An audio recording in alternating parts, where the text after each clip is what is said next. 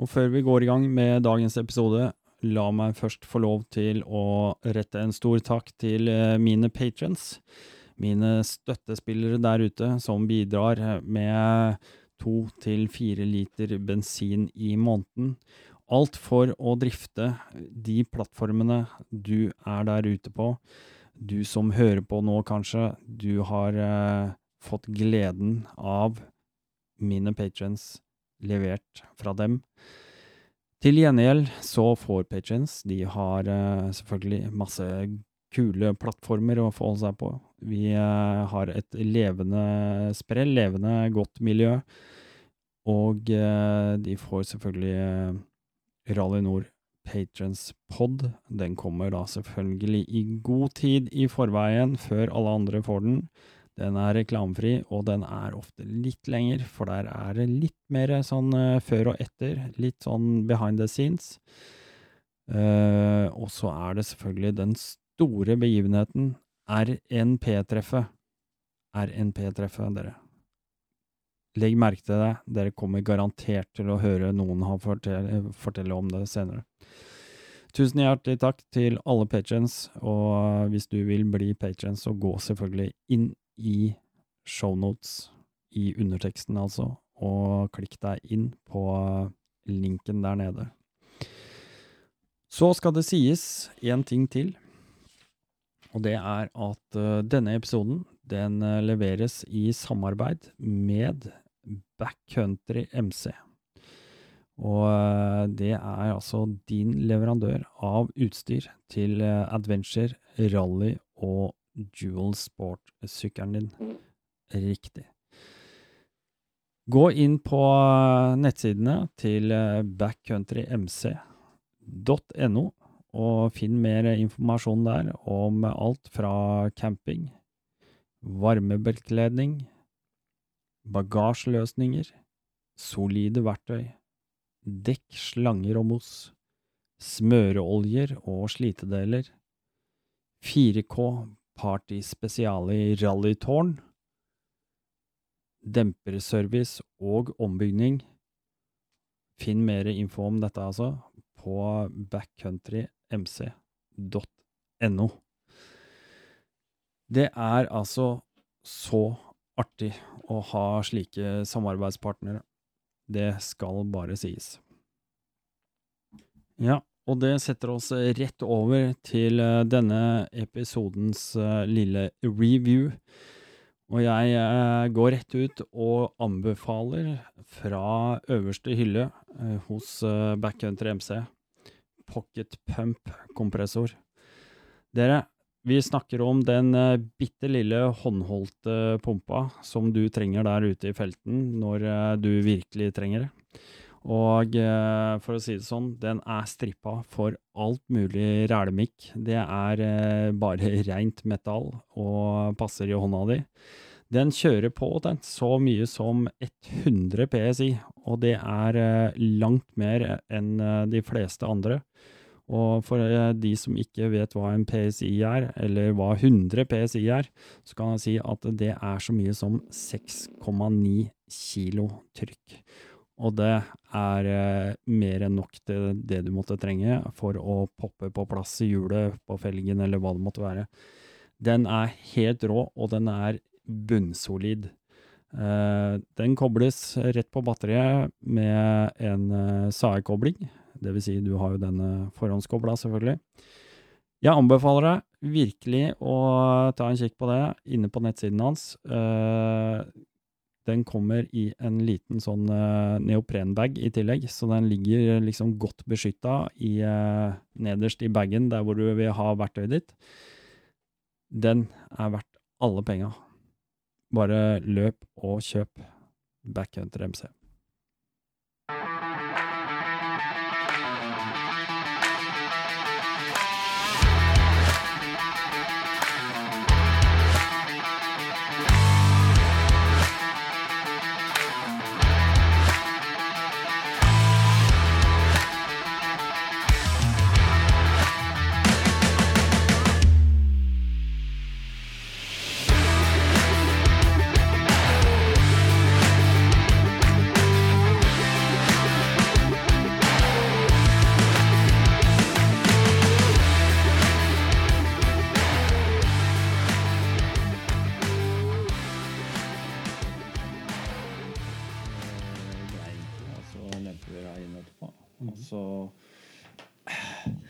Vi har ikke satt opp noen sånn der ordentlig slavisk plan, plan denne gangen, men jeg har noen føringer. Ja, ja, ja. Er ikke det greit? Jeg har, en, to, tre, fire, jeg har eh, fem stikkord. jeg. Du har fem stikkord. Vi tar det derfra. Vi tar det derfra. Ja, ja. Det er det vi gjør. Nå skal jeg, skal jeg følge opp Det etter skal hvert. være live, dette. Det er som det skal være. Ja. Det er eh, Du vet, dette her er kaffepratpodden, da, vet du. Det er, eh, det er liksom den derre lavoktan-serien. Og så kan det hende Jeg kan jo skrive det underveis, da. Så, Ja. du, du, så prøver du å hvis, hvis det er noe jævla viktig, så kan jeg skrive det her. Ja, ja. Så prøver du å komme inn på det. Ja, ja. Nei, men det, vi- vi, skal ikke, vi skal ikke lage altfor sånn der Det er ikke NRK. Nei, men du kjenner meg, vet du. Jeg hopper derifra og dit, jeg, vet du. Og så oi, oi, så må vi spole oss tilbake. Så tar det fem minutter, så er jeg der igjen. Ja, det er Ja. sant. Det er, det, det er helt riktig. Ja. Det er helt riktig. Jeg er litt engasjert, kan man Ah, se. ja, ja, ja. Det er nydelig. Vet du hva, jeg starter opp, og Ja. så sier jeg bare velkommen tilbake til Rallnord podkast.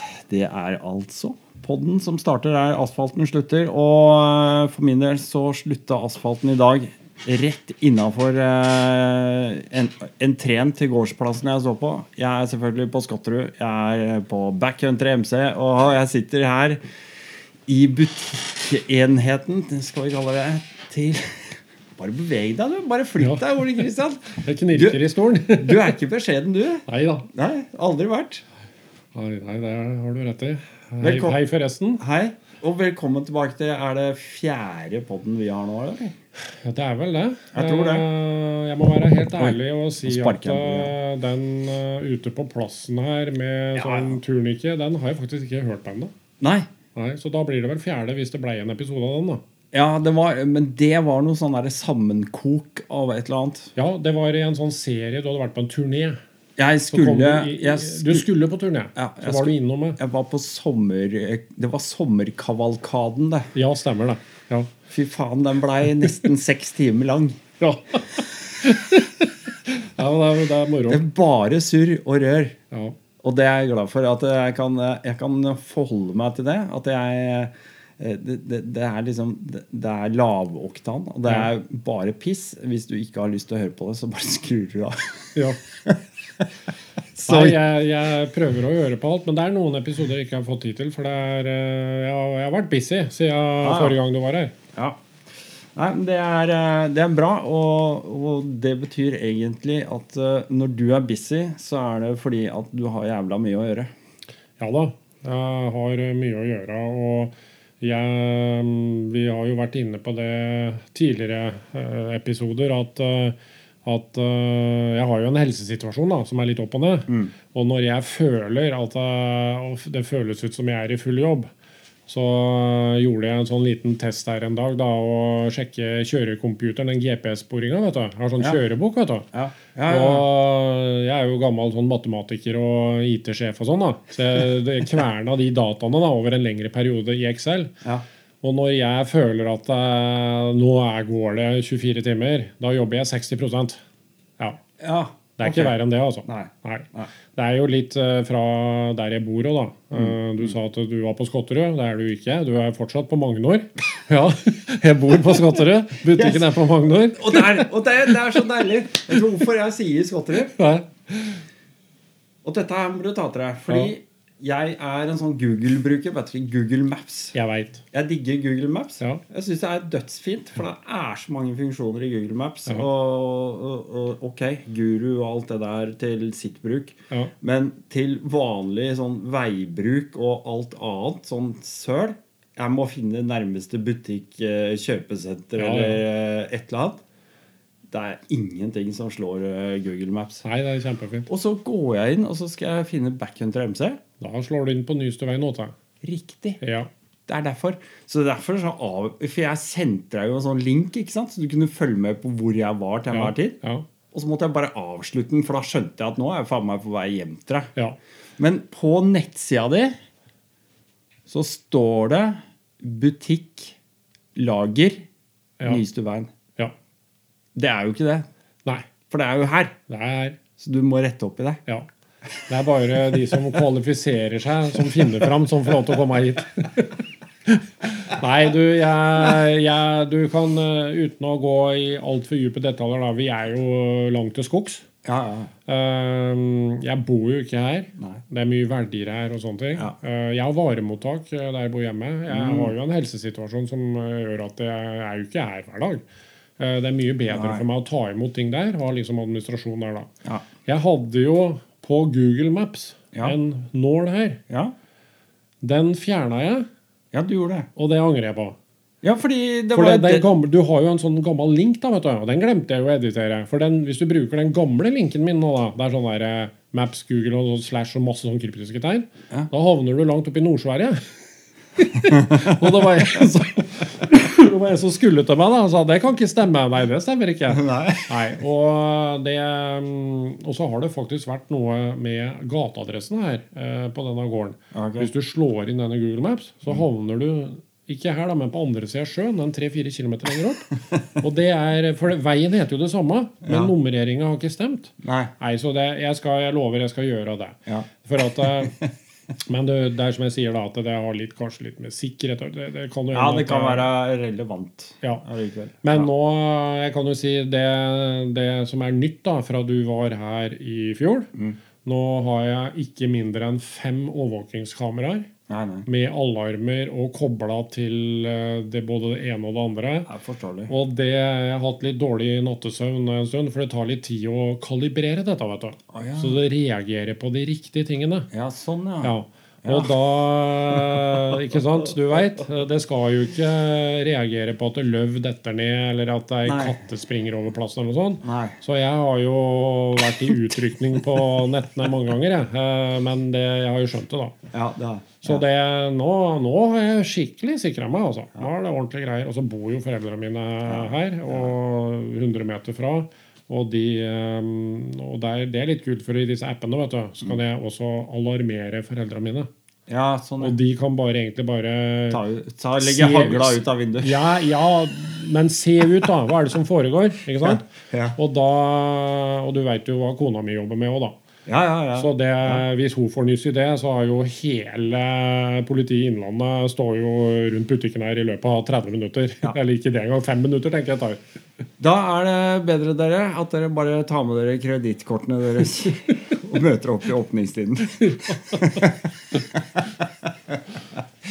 Nei, det er herlig. Alt er jo forsikret og sånn, det er så mye styr vet du, når ting skjer. er men nei, nok om det. det det er er, sånn eh, her, er det, her har vi det fint. Men uh, det var forklaringa på Skotterud Det var kontra Skotterud Magnor. Ja. Ja. sånn er det. Det, eh, det er alltid artig å være her, men jeg føler jo det at eh, Og, og, og det er jo alltid en, alltid en grunn til å komme hit, uansett. Altså, Du trenger ikke engang å ha noe i tankene på forhånd før du liksom på en måte At det løsner litt idet du kommer inn døra.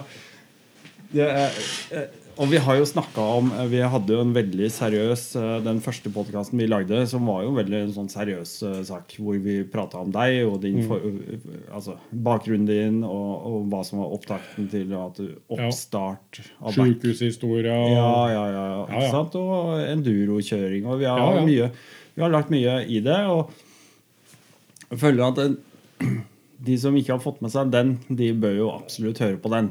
Det er en, eh, en Det er jo hele seriøs eh, grunnlaget for eksistensen til Backcountry MC. Ja, Eh, ja. Dessverre en hører episode igjen, en, en historie eh, 15 måneder på Ullevål sykehus. Mm. Men det glemmer vi nå. Det, jeg, det var det verste og beste som har skjedd meg. Livet mitt i dag det er faktisk veldig bra. Mm. Ja. Tross helseutfordringer. Ja. Ja.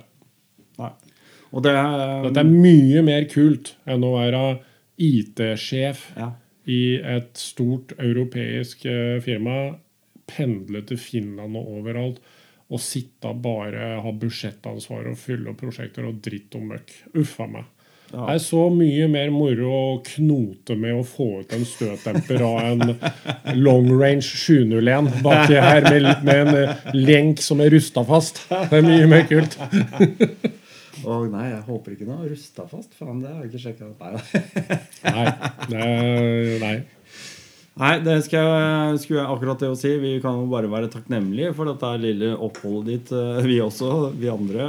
Fordi at eh, det resulterte jo faktisk i at du starta opp med det her Ja isteden. Ja da. Så det, det, er, det skal vi være takknemlige for. No, the future is, the, is bright.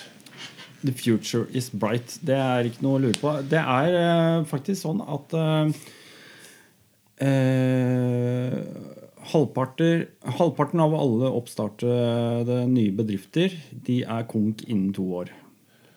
Ja, Det har jeg ingen planer om. Nei. Du har jo holdt på nå i seks år. Så Dette er sjette året, ja. ja, ja, Ja. ja, ikke sant? Sjette året. ja. Så, så sånn sett så er det ingen som trenger å være redd for at du forsvinner med det første, i hvert fall. Med mindre det skjer noe ekstremt eh, spesielt. Det var bare en digresjon ja. i forhold til uh, gründervirksomhet. Nei, men uh, man må jo shape den virksomheten man driver med, og da litt i forskjellige retninger, da. Ja. Og det Det er jo vanskelig å begrense seg sjøl. Mm. For jeg vil jo Jeg er jo en sånn person. De som kjenner meg, og jeg er jo Noen kaller meg kanskje pratmaker. Jeg prater mye og jeg er veldig sosial og sånn, da. Men det er liksom det som eh, alltid har vært min forskjell, eller mitt motto, da. At jeg, jeg- jeg gledes når jeg kan glede andre. Og det er et problem for meg. For da blir det veldig mye sånn at OK, jeg får et spørsmål om en ting. Kan du fikse det eller skaffe det? Da er liksom det første jeg sier selvfølgelig, det må vi prøve å få til. Ja. Jeg må prøve å være litt flinkere der. Ja. For det er sånn at øh, øh, 5 av omsetningen da, skal bruke 30 av tida mi på. da, sant? Eller mer. Ja. Det, det er ikke noe og det, det kan være en sånn veldig rar ting på en gammel sykkel. Jeg må prøve å begre, snevre inn liksom produktutvalget. eh, tjenesteutvalget også. ikke sant? Tror du det kan være mot sin hensikt på en annen måte også? At hvis du på en måte lover eller eh, sier Ja, liksom Legger ja. veldig sånn eh, i det at å, dette her skal vi prøve å få til, og så klarer du det ikke. Nei. Fordi at det, det, det bare flytter litt ut i kålen, ikke sant? Ja, Og så har du plutselig en kunde som er litt skuffa. ja, det er det. Ikke sant? Og da, Og da skal skal være med på et event. Ja. Noen skal faktisk kjøre et rally. Har uh, spesielle ønsker om et eller annet der. Mm. Jeg prøver å ordne, og så begynner det å tokka, kl- Klokka tikker. Mm. Uh, så der Jeg har blitt litt flinkere til å si at dette her har jeg litt dårlig trua på. Mm. Uh, kan undersøke litt sånn etter hvert, men eh, her kan du være sikker på at dette jeg ikke klarer innen fristen. liksom. Ja. Så det, jeg må prøve å være ærlig med meg sjøl der. Jeg kan ikke drive med alt. Nei. Det har vi andre eksperter til. Og før man liksom blåser opp brødskassa, da skal man være helt sikker på at man kan det, og at man har det. Og jeg hater butikker som bare skaffer varer Ja. sjøl, når jeg handler andre ting òg. og det, der har jeg lykkes ganske bra, vil jeg si. Det er én ting eh, eh, Disse her uh, Virago-folket, vet du. Yama Ja. T7. ja. Ja, men da kan du jo slippe den bomba, da. At uh, i rommet ved siden av her så Ja. det en splitter ny Yama T7. ja. Null kilometer. Den har stått der i tre uker. Jeg har ikke putta nøkkelen i tenningslåsen ennå og starta den opp. Har du ikke det? Nei, har ikke det i det hele tatt. Det blir, eh, Saken er jo den at eh, jeg selger jo så utrolig mye deler til Yama T7. Ja. Jeg, ikke veit jeg om det er fordi at sykkelen er såpass dårlig i utgangspunktet. Jeg vet ikke, Men det, det er for å si sånn da, det er potensi Nei, ja. forbedringspotensialet på det mye rart. da. Ja. Eh, selger ikke så mye til oransjesykler eller Husqvarna. Det gjør jeg ikke. Der, der, der er det litt mer ready to race, altså. Det må jeg bare innrømme. Men eh, da kan jeg ikke, som jeg sa, liksom eh, blåse opp brystkassa og si jeg kan om det hvis jeg ikke har erfaringer sjøl. Så jeg måtte krøpe til korset og uh, skaffe meg en T7. Den står der ute, en svart en. En 22, en overligger, en 22-modell. Og det skal bli moro. ikke sant? ja, ja, klart det. Og det, Men jeg så ikke den her komme. Det er, jeg er nesten alltid tom for en eller annen vare på T7. Og jeg bare øker innkjøps... øh, kan du si, Begynte med sånn fem og fem av hvert produkt. Ja, ja. Dette er Camel-produkter spesielt. ikke sant? Ja, ja. Eh, nei, nå er det 10 og 10. Nå må jeg gå opp til 20 og 20 i slengen. Folk er helt gærne. De handler helt bananas eh, med T-skjortedeler. Kjempemoro for meg.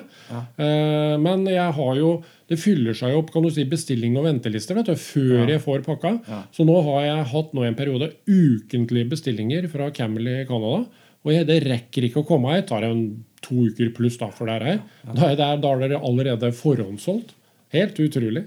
Ja, det er kult Ja. da. Og det, og det er litt vanskelig for meg, for jeg sier jo det at jeg skal alltid ha noe på lager av de greiene jeg har i den butikken. Prøver, da. Ja, ja, ja. Eh, og gjerne to, minst to ting av alt. da. Så hvis det kommer to kompiser og for skal ha et sett med noen krigavesker, så kan begge to få det samme. Jævla kjedelig når bare den ene kan få med seg, den andre må vente. ikke sant? Men har du, har du liksom eh, begynt å, å, å liksom raffinere innkjøpene dine med bestillingspunkter og sånne ting, eller? Uh, nei. Det, det Der er det litt sånn- kaos, men jeg prøver å være litt mer systematisk. Men det som har hjulpet meg veldig, er at jeg opprettet en sånn eh, postboksadresse i USA eh, hos Jet Carrier. De har jo spesialisert seg på frakt. Ja. Det, er helt, det koster det hvite ut av det øyet vet, å få sendt noe fra USA om dagen. Det er helt sjukt. Jeg har jo betalt for fire svære pappasker fra Giant Loop eksempel, har betalt 15 000 i frakt. Faen. Nå, og nå, mange av disse amerikanske firmaene de har gratis inland vet du, eh, frakt. Mm, Så ja, ja. for eksempel, når Speilet er jo en annen ting. Og er, jeg klarer nesten ikke å få kjøpt nytt. Nå kommer det store ladninger sånn um, en gang i måneden. Mm. Eh, de har jo gratis frakt i USA. Og Mm. da leveres det til den der postboksen min i Jetcar, og der går det fly hver søndag til Norge. Så deadline er liksom torsdag, så jeg må prøve å Jeg har lært meg da hvor lang tid det tar fra, fra mm, Colorado, da, hvor dobbelttake holder til, eh, og sende tar tre dager da, opp til Delaware da, i USA. Og da, hvis det er der på torsdag, da går det i den craten eller den containeren som skal på flyet eh, eh, på søndag. Og da er de i Sarpsborg eller noe nedi der på mandag, og da har jeg varene her på torsdag. Da går det fort. Da går det fort. Og, og hold deg fast, frakta er, blir en fjerdedel ja, av, hva de, av hva FedEx og UPS og disse Ja. skal ha direkte. da. Ja. Det er helt sjuke greier. Nei, det, er, det, er, det er bra at du finner, finner de Ja, da kan de holde prisene nede. Du vet, Valutakursene er veldig dårlige. Eh, og det er jo eh, Frakttillegget har jo vært eh, i enkelte tilfeller opptil 20% på varene mine vet du, når jeg kalkulerer. Eh, det er mye, altså. Eh, så, men nå er det Nå har jeg kommet meg ned på under 10 igjen en eh, frakttillegg og sånn, og fortollingstillegg. Det er veldig bra. Så jeg kan holde prisene da på For det alltid det skal lønne seg å kjøpe Hvis jeg har produktet her, Ja. så skal det være dyrere, og i mange tilfeller betydelig dyrere, av å kjøpe det på nett Ja. sjøl og ta momsen. Og så et lite fortollingsgebyr og sånne ting. da. Mm. Det skal være, det skal ikke bare lønne seg litt. Det, det er målet mitt. da. Det skal, det skal mm, God lønnsomhet å kjøpe lokalt. da. ja, men det er ikke noe tvil om. Nei, Det er, det er, det er ikke noe tvil om det. Jeg det- har jo oppfordra- lytterne flere ganger til å gjøre det. ja. Og så ikke bare sånn det, det er ikke sånn at du har alt mulig rart heller, men, eh, men det kan være andre produkter også. Som Ja. Uansett hva det er for noe, egentlig. Prøv å sjekke opp om det er noen hjemme som eh, For det, det, det dreier seg om å holde liv i norsk økonomi. ja. Og vi var inne på dette her med dårlig kurs og sånne ting. eh, Så, og alle nå har vel fått med seg det, at krona er ja, historisk lav. Ja, ja. Nå er jo svenskekrona på Ja. gærne veien nå. Nå, vet du. Ja, ja, ja. nå er jo alt, og euroen over 11, og Ja. dollaren og Nei, det er og Pundet er jo 15 eller noe, Ja, det er helt sjukt. Helt helt, helt vanvittig. Vi bruker den tigangen i huet mange ganger. Liksom dollar, euro og pund. da. Ja. Eh, og Det brukte vi i Danmark òg i gamle dager. Der er vel, der er det vel 160, vel, i danske kroner. Det er helt sjukt. Ja. helt vilt. Nei, det blir veldig, veldig forskjellig.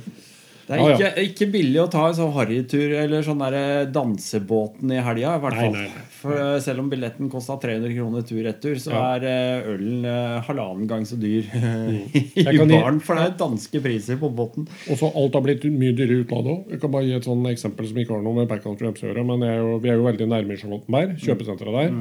Jeg er veldig glad i den der husholdningsostnummer. da.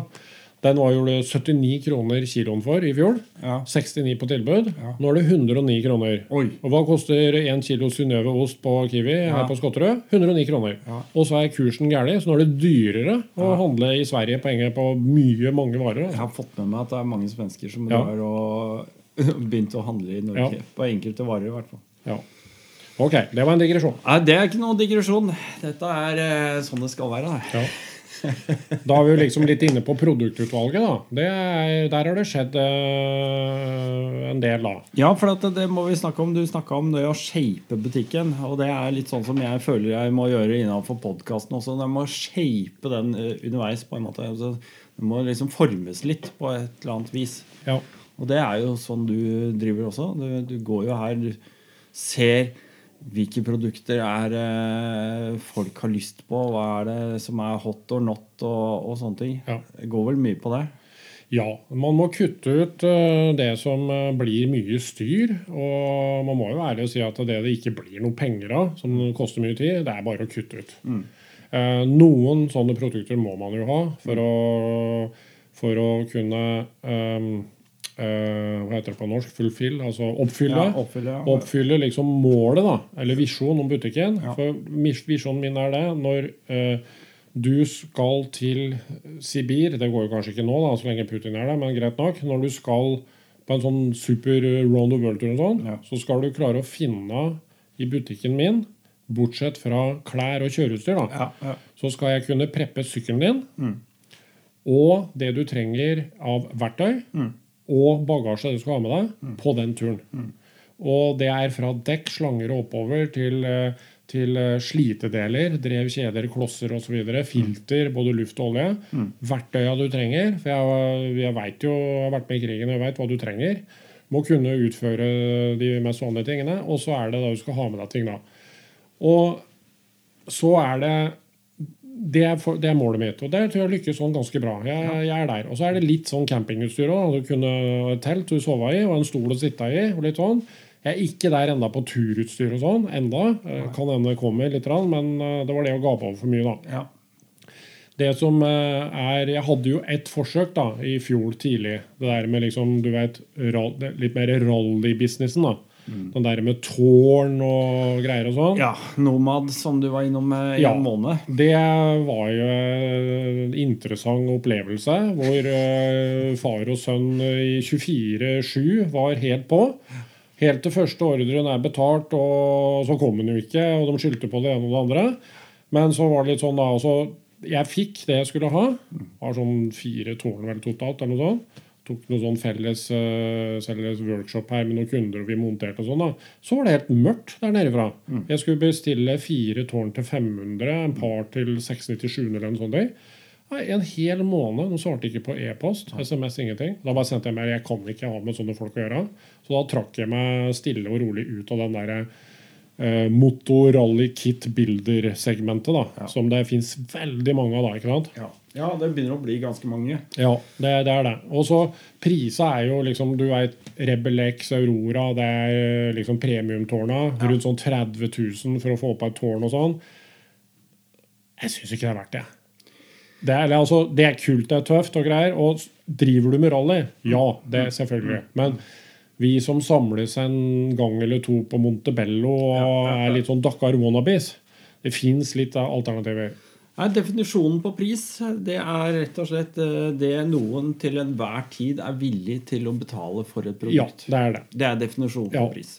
Så, eh, så lenge det er folk som er villige til å betale 30 000 kroner Ja da. Ja da. så, så er det den prisen. Ja da. Eh, hadde det ikke funnes et marked for det, hvor ingen betalte det, så hadde ikke det vært en reell pris. Den kunne aldri nei. vært brukt til noen ting. Så, og, så, og så er det sikkert eh, et hav av forskjeller på en, eh, et tårn til 15 og et tårn til 30 Ja. i, i forhold til eh, Vekt, vekt og sånne ting. kvalitet, litt sånne ting. Men vi er tilbake til det du nevner med Nomad. Du skal ha du skal ha en slags eh, buffer. Du skal ha en sikkerhet da, for Ja. at eh, når du tryner, som du forhåpentligvis nesten gjør, fordi at uh, ellers har du ikke brukt sykkelen din, holdt jeg på å si, så skal du ha den reservedelen.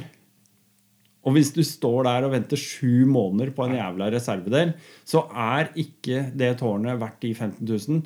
Da kunne du brukt de 30 isteden, og så visst at den reservedelen den kommer innen fire dager i postkassa. Ja, det er det. Ikke sant? Og det er så ekstremt stor eh, skilnad på de tingene der, da. Ja. For at du husker på, jeg kommer jo Jeg skal ikke si at jeg var eh, ekstremt tidlig ute med rollbook og sånne ting. Nei, nei. Men eh, det er i hvert fall mm, Ja. Jeg, jeg begynte å kjøre rollbook i 07-08. 07-08. Og da var jo SOE-miljø i Sverige, svenske offroad-entusiastene, de arrangerte jo rollbook-events hele tida. Så jeg var med på noen sånne. Og det var på den tida hvor man kunne kjøpe sånn eh, sykkelsete i plast Ja. eh, for barn. ja. Skjønner du? Ja, ja, ja, Og sånne der plastic eh, fantastic-greier som du satt på liksom bare Det satte svenska som rallyfering på syklene sine. Sier du det? Ja, barnesete. For det hadde den shapen Ja, med ja, med løkta og den lille Ja. vindskjermen. Og så Ja. fikk du også den lille leppa på toppen ikke Ja, sant, ja, i plastikk. Og så bora de hull til løkta og sånne ting og greier da. ikke sant? Ja. Det var eh, Jeg bare fikk se det der borte i Sverige. Hæ? Men det er svensker, da. Ja, jo. Ja. jo men, men eh, allikevel, Ja. altså. Ja. Og da, da gjaldt det bare å få litt skydd uh, foran den derre den der, eh, matboksen du hadde tredd to uh, sånne trestokker i og drev og rulla med i veiv. ikke sant? Ja, ja. Og trippteller, det var vi jo som hadde KTM heldige. da, Det kunne du få kjøpt, da, faktisk. Kunne du modde instrumentet, så hadde jeg sånn mikroskopiske siffer, trippteller. Så du måtte jo ha, eh, du måtte jo ha liksom Lupe. lupe vet du, for å kunne se det. Men uh, nei, det, men hvis vi bare går litt videre på den, da, det med tårna Ja. Nå har jeg gjort det igjen, vet du. Og jeg bestemte meg den gangen at det tårnebusinessen, den, eh, den er ikke noe for meg. For det, alle er sånn, det er sånn 95% ferdig. Du må mekke litt sjøl. Og så er det sånn pre-order, og det er liksom litt ikke på lager og greier. Og, de, og disse her nissa som driver med dette her, de kjører jo sjøl rally. De er jo på alle disse rally-eventene, de er borte i lengre tid og sånn. da. Driver med sånn rally management service. da. Men jeg kan jo bare si at eh, det, det er jo egentlig publisert, og da har jeg blitt eh, skrevet under på avtale og greier. da. Exclusive rights, distribution, eh, 4K Party Speciali, tårna, italienere. Eh, lager mye kule produkter. Ja. Og her kommer det Så nå, i neste uke, kommer det sju-åtte tårn til litt ulike modeller. De har også laga til T7, jeg skal ha på min.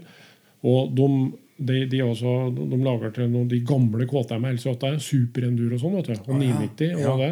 Jævla kult. Så jeg bestilte til superenduroen min. Og så en, en annen kunde med superenduro, litt sånn, noe 701 og sånn. Prisen, vet du det er jo helt latterlig eh, i forhold til Det, det er jo en tredjedel, vet du. Og da er det liksom tårn. Jeg kan velge alu eller karbon. da. Og karbon er bare et lite pristillegg. Det er ikke sånn der, eh, det hvite ut av det øyet. Og så det, har de e- egenutvikla øh, pleksiglasset, som jeg kaller det. da. Eller altså Ja, ja, vindskjermen. ja, ja. Og, og så ser de kule ut, og så følger de med lys. Og så kan du mot et pristillegg eh, gå fra sånn eh, non-dot til eh, hella veigodkjente. da. Der er det jo veldig mye meninger om lys, så jeg har bare bestilt de der som egentlig ikke er veigodkjente da, så langt. Ja. Så får folk gjøre litt som de vil der. Da, for, vi, for lysbransjen er jo en egen Det er kapittel. jo en, et eget Ja, det er- det er en og, og, og veldig egen kunnskap om det. Ja, og det er veldig vanskelig, Vanskelig. Å, å sette seg skikkelig dypt inn i. Ja. Det, er, det er Du hørte den poden jeg hadde? Eh, han Erik ja, Nå husker jeg jo ikke etternavnet, dessverre. Okay. Men eh, for lysbåten for de som er nerdete, de må gå inn der og høre på hva han har å fortelle. Det er eh, da, tro, når du trodde du kunne noe om lys, så skjønte du plutselig at du ikke hadde sett Nei. lys i det hele tatt. Du vet den T-skjorten som står her som ikke har starta ennå? Ja? Ja, ja, ja. Der sitter det Denali D3 på. Ja. Ja, Med sånn, der, eh, sånn intelligent kontroller. da, Mm. Som du kan konfigurere i, huet og ræva. Når du, når du tuter, så flasher den ekstra lys av alt mulig sånn. ikke sant? Okay. Koster skjorta. Ja. Men uh, det er jo det beste da på markedet, Ja, ja, de der Denali. da. Eh, så jeg har jo sett eh, noen bilder og videoer av folk som har testa det. Det setter jo fyr på skogen. Så det skal bli moro, da. Og, Ja, ja, ja. ja, nå kom det. Men i hvert fall, da, det er i tårna. da. De kommer nå neste uke. Det blir noe, noe montering her og sånn, og da er jeg tilbake i den bransjen der. da. Og de, Det som er litt kult, kult med 4K, da, hvorfor jeg valgte de, det er fordi at prisen er jo noe helt annet. Eh, eh, du kan liksom velge karbonversjon òg, mot bare et, et eh, helt overkommelig tillegg. mm. for de som tenker vekt. Så har de ikke så mange produkter. Eh, Det er ikke sånn der søkke og snøre og alt mulig rart du må tenke på det og det. da. Det er liksom mer standardisert. da. Og så lager de braketter til forskjellige rammer, og sånn, og det er sånn det er. Og så bruker de, etter det jeg har forstått, da, det er den samme vindskjermen de bruker på alle tårna. Ja. Eh, Du har en mobile versjon, det er en, som er sånn lett, som følger styret. Som sitter i styrekrona. Kan du ta av. Og da kan du konvertere la oss si, endurosykkelen din da, til mer enduroløp. da. Eh, Relativt greit, da. For har du rammemontert, så er det mye fikkel for å få det til. da. Okay. Ja. Nok om det. Men det, det er en nyhet, da. eh, Backcountry MC. Altså den tårnebransjen. Så får vi se om det var feilsteg nummer to. Nei, Det blir veldig spennende. Jeg, jeg er faktisk litt tur på å teste ut, for jeg har kjørt eh, som sagt med lyngsfairingene mine. min. Og jeg, altså Som fairing Mm. så er jeg dritfornøyd. Ja. Altså, altså det, sånn helt Jeg har ikke hatt liksom noe som har vært i den målestokken. Ja. Fordi at eh, den passer så fint til meg. ja. Det er et vanskelig tema. Ja. Det med fairing er et vanskelig tema. Fordi at uh, mange som lurer og mange som spør og vil ha gode eh, råd osv. Mm. Men alt dette her, det dreier seg egentlig om type sykkel du har. Hvor, hva du forventer. Altså, er det motorvei vi snakker om? Ok, hvor høy er du? Ja. Hvor høy sit, er sittehøyden din fra setet og opp til knotten? Ja.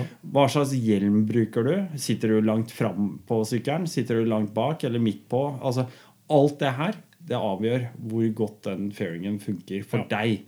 Og det fins ikke en fasit. Nei. Ikke? Hvis jeg sier til deg at denne må du ha, for den kommer til å være jævlig bra, Ja. så kommer du garantert til å hate den, fordi at du er så mye høyere enn meg. ja. Du kommer ikke til å ha den samme opplevelsen av den uansett om du hadde hatt samme hjelm eller ikke. Så, Du er, du er til KTM 790-890, vet du. Der klager jo folk på litt sånn buffeting, altså Mm. Ja, turbulens. Jeg, jeg har jo ikke det problemet. Nei, for jeg er to meter. Ja. Jeg bygde meg et problem. Mm. Jeg smelte opp et sånn Nomad rallytårn på 790-en min. Ja. Uh, og da fikk jeg den der eh, vindbrekket der midt på nesetuppen. Ja. Holdt på å bli gal, jeg. ja, det. Det løste jeg litt på en annet vis, men det, det var jo kult og tøft da med dette tårnet. Ja, sant? Jeg fikk jo plass til litt mer navigasjon, og var jo, det er jo funksjonelt. Ja. Men for fiffeterakkeren og for og det, den turbulensen holdt på å bli gæren. jeg. Så jeg måtte gjøre noe med det. Så jeg klarte å fikse det med noen greier oppå tanken der. Da. Men eh, nei, det skal bli spennende å se hvordan de fire K-tårnene er. da. Ja, ja. Antageligvis mer buffeting, ja. Mm. Uh, for meg som har rein luft fra før Mm. i trynet. Ja, ja, ja, ja. det blir sånn. Men sånn er det bare. Ja. Sånn er det bare. Uansett om du hadde venta åtte måneder på et Nomad-tårn eller ikke, så hadde du fått samme, Ja. samme greia. ja. Um, ja, vi er, vi er litt inne på det. Vi, eller vi har vært litt innom det. Uh, jeg vil gjerne snakke litt om verktøy og utstyr og, og sånne ting. Uh, du har jo en rekke forskjellige ting. Det er uh, Motion Pro, Dubia, eh, Rolling Mavericks og Asahi.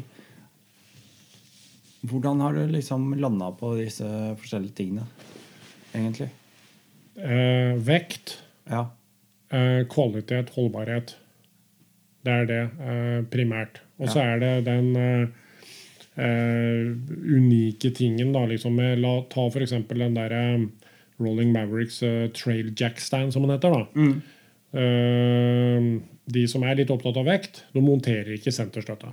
Nei, nei. Okay? nei, nei. Da har du jo et problem, da, når du, eller en utfordring, da, når du skal løfte framhjulet eller bakhjulet øh, når du får en punktering øh, eller noe annet tull på turen din langt til skogs. Da må du ha noe som løfter det, og den, den øh, er jo et lite byggesett. Og prisen er kjempefin, egentlig, og fungerer. Så jeg har testa den på sånne 200 kilo sykler mm. litt over tid. Det, det går som bare den. Og det går, det går vekk at du skal pakke lite. ikke sant? Og Det er bare det det går på. Og sånn som de der Asahi, det er jo japanske høykvalitetsverktøy da, i sånn Motion Pro-klasse. da, eh, Hvor de har frest ut eh, mye skaft og sånn. Eh, så du sparer vekk, da, rett og slett. Du må treffe i det. Og han nederlenderen som driver Rolling Mavericks, Ja. han eh, er jo en globetrotter sjøl, mm. som har vært med i krigen i mange år. Og han veit hva han trenger. Og han Han uh, har også utviklet en del ting sjøl. F.eks. de har en sånn som heter sånn Fuel Transfer Kit. Ja. Den er litt kul. Mm. For den bare plugger du Du, du, du fjerner hurtigkobling av bensin. På en, dette er typisk en KTM Enduro eller Husqvarna. Ja. Ja. Plugger den slangen inn der. Mm. Og så, og så har den en kontakt som går til fuelpumpen, Mm. og to ledninger som er magnetiske. Så du bare liksom legger dem på minus- og plusspunkt på batteriet. Mm. Så begynner pumpa i tanken din å pumpe, og så kommer det bensin ut. Ja. Og da kan du hjelpe en kompis i nød. Ja. Og det kittet det passer jo inni hånda di. Altså, Så lite er det. Ja. Og så slipper du denne suginga eller velte sykkelen og helle ut og greier og sånn. ikke sant? Ja. Så det er mye sånne kule produkter han har laga for å kunne klare seg videre. Det, det er sånne leverandører jeg er på jakt etter. da, ikke sant? Jeg fikk med meg Jeg tok jo med meg et sånt eh, Et sånt uh, fuel kit, faktisk. Ja, Du kjøpte Eh, et sånt et, ja. Ja. Det var til, til sjuendeleden min, da, den long rangen. Og det som jeg fant ut med den, det var jo egentlig bare at uh, For det første Passa kontakten? Alt Nei, nå skal, jeg- skal jeg bryte det ned, da. For alt, det, det ligger i en sånn bitte liten pouch. En sånn liten veske. Ja. Det er helt perfekt. Det passer, det, det kan du få plass til akkurat hvor du vil. Brystlommen passer det til og med. Ja, ja. Hvor som helst. Eh, Men, men det som var dumt, det er Batteripolene de ligger jo da under eh, Ja. ECU-en og et deksel som du må løsne. Ja. Så du, eh, enten så må du faktisk løsne det, eller så må du bytte de to magnetene. Det er en veldig fint uh, merka. Altså. Det er en eh, rød og en svart ledning med en magnet på, så det er bare å smekke rett på polene. Altså, eller på skruene. Da, for Du må ha tilgang til ja, så du må ha tilgang. Ellers kan du gjøre sånn som jeg har gjort, og så bytter du med en sånn uh, SAE-kobling som Ja. jeg har liggende ut på sida, Ja. og så bare tar og switcher over den. ja. Men denne her er nok mer kompatibel med en uh, type 500. ja det, det, han er laga for endurosykler. Ikke sant? Men med, som vi pratet om da når du kjøpte den, ja. denne her tipper jeg du klarer å modifisere litt Ja, det gjør det. til å passe 701. For du er jo sånn der eh, bensincarrier vet du, på Finnskogen Ja. med long range-versjon. Jeg, jeg skal tilbake til det. Ja, det, det Men du må ha tilgang, da. Ja, fordi, til, fordi at det som er det som er problemet med Attis, da, og dette gjelder jo da også s- øh, 690, Ja. ikke sant? for det er, de er kliss like. Hvis vi tar utgangspunkt i de vanlige versjonene nå. ja, Så selv om du har bytta ut dette med SAE-kobling og alt mulig, ja. øh, så, så har du et nytt problem.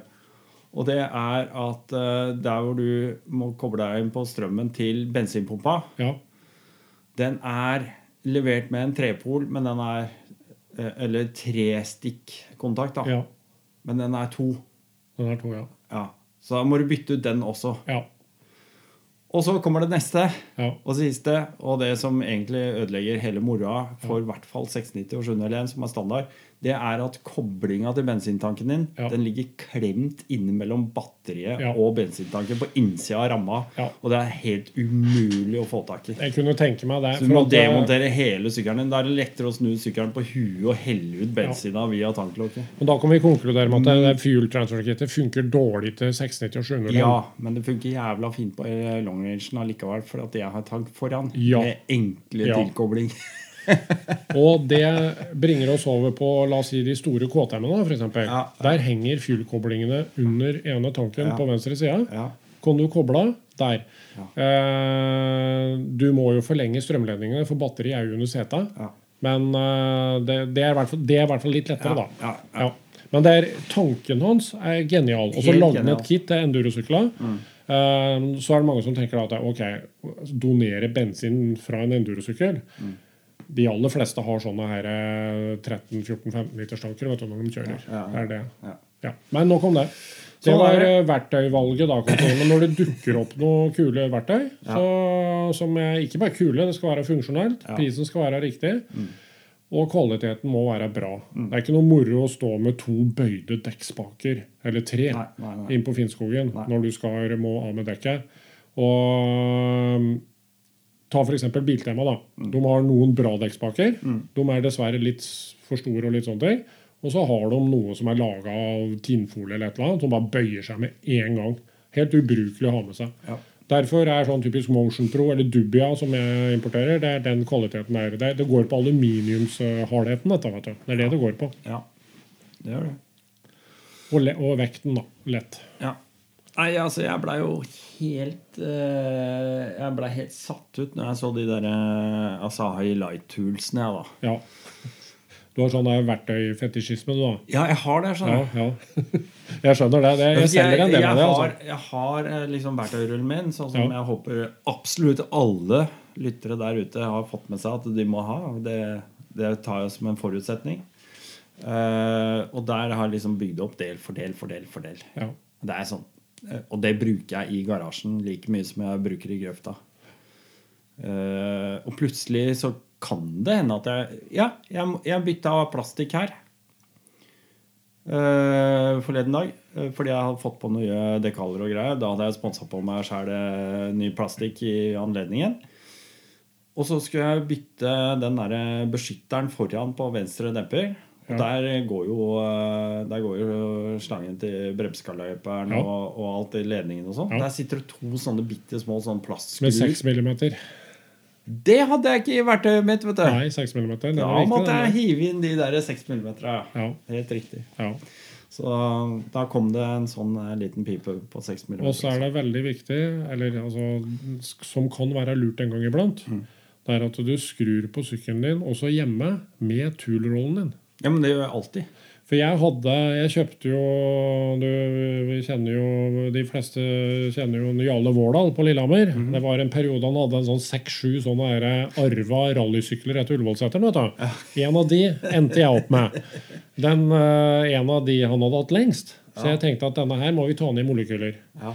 Da gjorde jeg det eksperimentet hjemme i garasjen. Kledde alt sammen. Ikke selve motoren, da, men å få motoren ut av ramma til og med det. Alle verktøyene jeg brukte, det la jeg på et eget bord. Ja. Og tenkte kan jeg kombinere noe her med å sette sammen noe sånt? Det klarte jeg. Laga meg ganske tjukk, altså, Mm. ja. toolroll. Men den hadde jeg med meg, og den har jeg fortsatt enda. Den kan jeg demontere en 690 RFR bare i ramma Ja. eh, med det verktøyet der. Ja. Og den har jeg liksom brukt som base til alt annet etterpå. da. Det er jævla viktig. Ja, Og det var litt kult, for det jeg så det var jo en som tipsa, jeg vet ikke om det var eh, Mr. Poskity eller noen andre som tipsa om det at bruk toolrollen din. Nei, jeg leste det på ADV Rider, tror jeg. Ja, ja. Eh, og det, da, da finner du ut Ja. hva du mangler. ja, du gjør det. Ja. Du gjør det. Nei, jeg bruker det alltid. Det gjør jeg. Ehm, Og du vet det der største settet av Asai Mm. den inneholder jo 5,5 millimeter og 7 og 9. Så tenker du dette er unødvendig. Jeg kjøper heller den der euro-versjonen med 13 mm. Da, Ja. Eller den der eh, JIS, Japanese Industry Standard, da, eh, med 12 millimeter. Eh, fordi det, det der største settet den er bare sånne open-ended. Du, du har ikke ringnøkler, bare åpne. Så tenker du hva skal du med 5,5, 7 og 9? ja. ja det, det var Det finner du ut en dag. Jeg gjør det. Ja, ja, men. Eh, tenk, Du hørte det ikke her først. tenk eh, luftenipler på slave... Eller slavesylindere og sånn, på clutch og greier og sånn. De nipla der. Ah, Ja, noen har åtte, men det er ikke alle. å, Noen det, eldre har eh, sju, og jeg har opplevd ni. Og så kommer du den til fem og en halv. Hva er det for noe? Jo Ja. da. Det er noen sånne her Garmin-fester, vet du. Det er USA, dette, vet du. Ja, det er noen gamle tommer og ja. Der vet du, sitter det sånne mutrer på 5,5 millimeter. Eller, så det er jo noen tommergreier, da. ikke sant? Ja, ja. Og da Akkurat, ja. Da fikk jeg bruk for den. eller så må du jo ha med deg en knipekstang eller noe sånt. Ja, ja. Men du kommer ikke til med den overalt. vet du. Nei, det, det er Ja. slitsomt å forholde seg til det der Ja. tomme greiene. Altså. Ja, det. Stakkars folk som driver med sånn Harley Davidson og sånt. Der. oh. Nei da. Nå skal vi trå litt forsiktig her, men uh, metric-verden eh, funker, uh, syns jeg, mye bedre, da. ja, den funker veldig greit. Ja. En ting er at de da, men jeg klarer jo aldri å regne ut hvor mye det er. Hvis du sier sånn der 9-16-deler og sånt, hvor mye er det egentlig? Liksom? Det er Matematikken den strander jo steinhogger jo lenge før det, ikke sant? Ja. Det er sånn det er. Det er sånn det er. Du, jeg, jeg, jeg veit at det, det, det skjer jo litt med bagasje og sånn. Ja. Det hender jo Nå har jeg Jeg har jo nå bestemt meg, egentlig, jeg, øh, for at jeg Av og til så er jeg, jeg, jeg, jeg prøver alltid i det lengste løp å, å gjøre mine egne vurderinger, altså egne beregninger og egne sånn jeg vil, jeg vil ikke finne opp hjulet på nytt. Det er ikke det jeg vil. Men jeg prøver ofte å liksom gå litt andre veier enn det som er eh, mainstreamen. da. Og, og dermed så resulterte jo det at uh, i fjor så, så kjøpte jeg Red Mammut. Uh, U-bag 80. Det er jo på en måte en slags uh, jeg kaller det gjerne en Mosko rip-off, hvis dere vil. Jeg vil ikke gjøre det, for jeg veit at den U-bagen har vært på markedet nesten like lenge.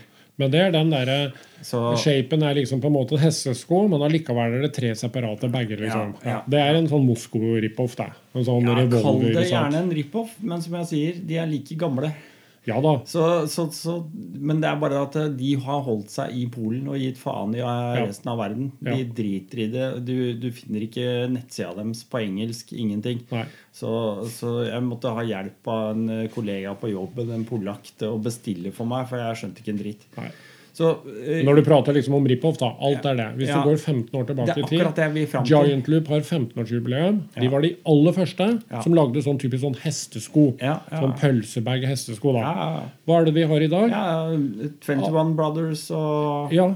Eh, Rogal, da, som heter. ikke sant? Mm, Eh, Mosko. Eh, mange andre òg. Litt andre varianter, sånn som Kriga, Kappa, forresten. Ja. Sånne ting. De, de har da på en måte en slags lefse, og så hekter du på der. Ja.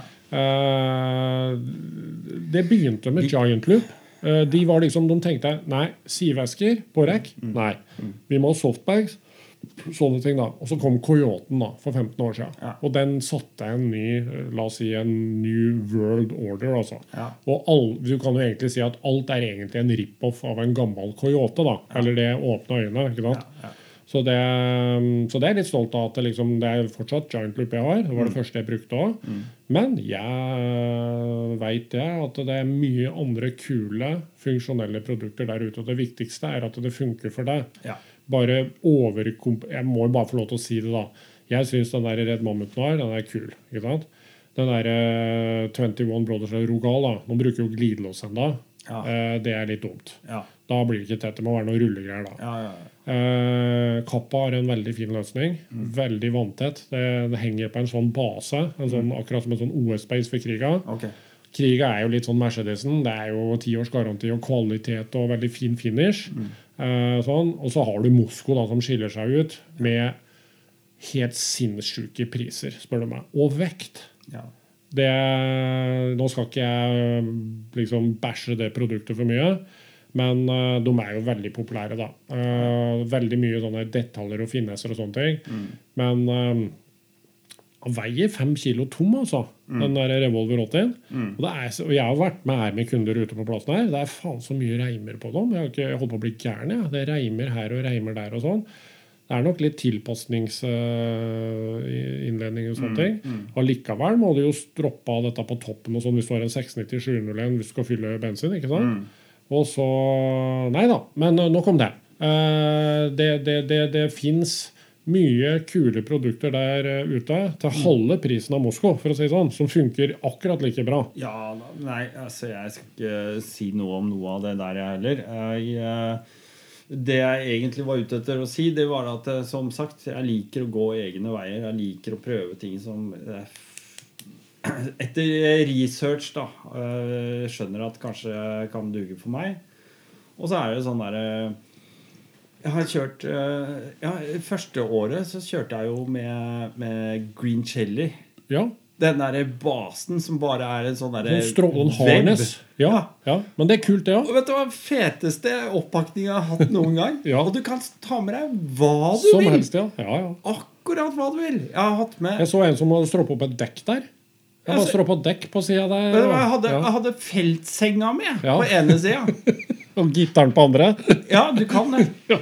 Og motorsag kan du ta med deg òg, for at det, det er bare Altså, det, det er det mest sinnssyke og kuleste, egentlig, hvis du skal gå helt ned på bar bakke, mener jeg. da. Jeg syns det er dritgøy.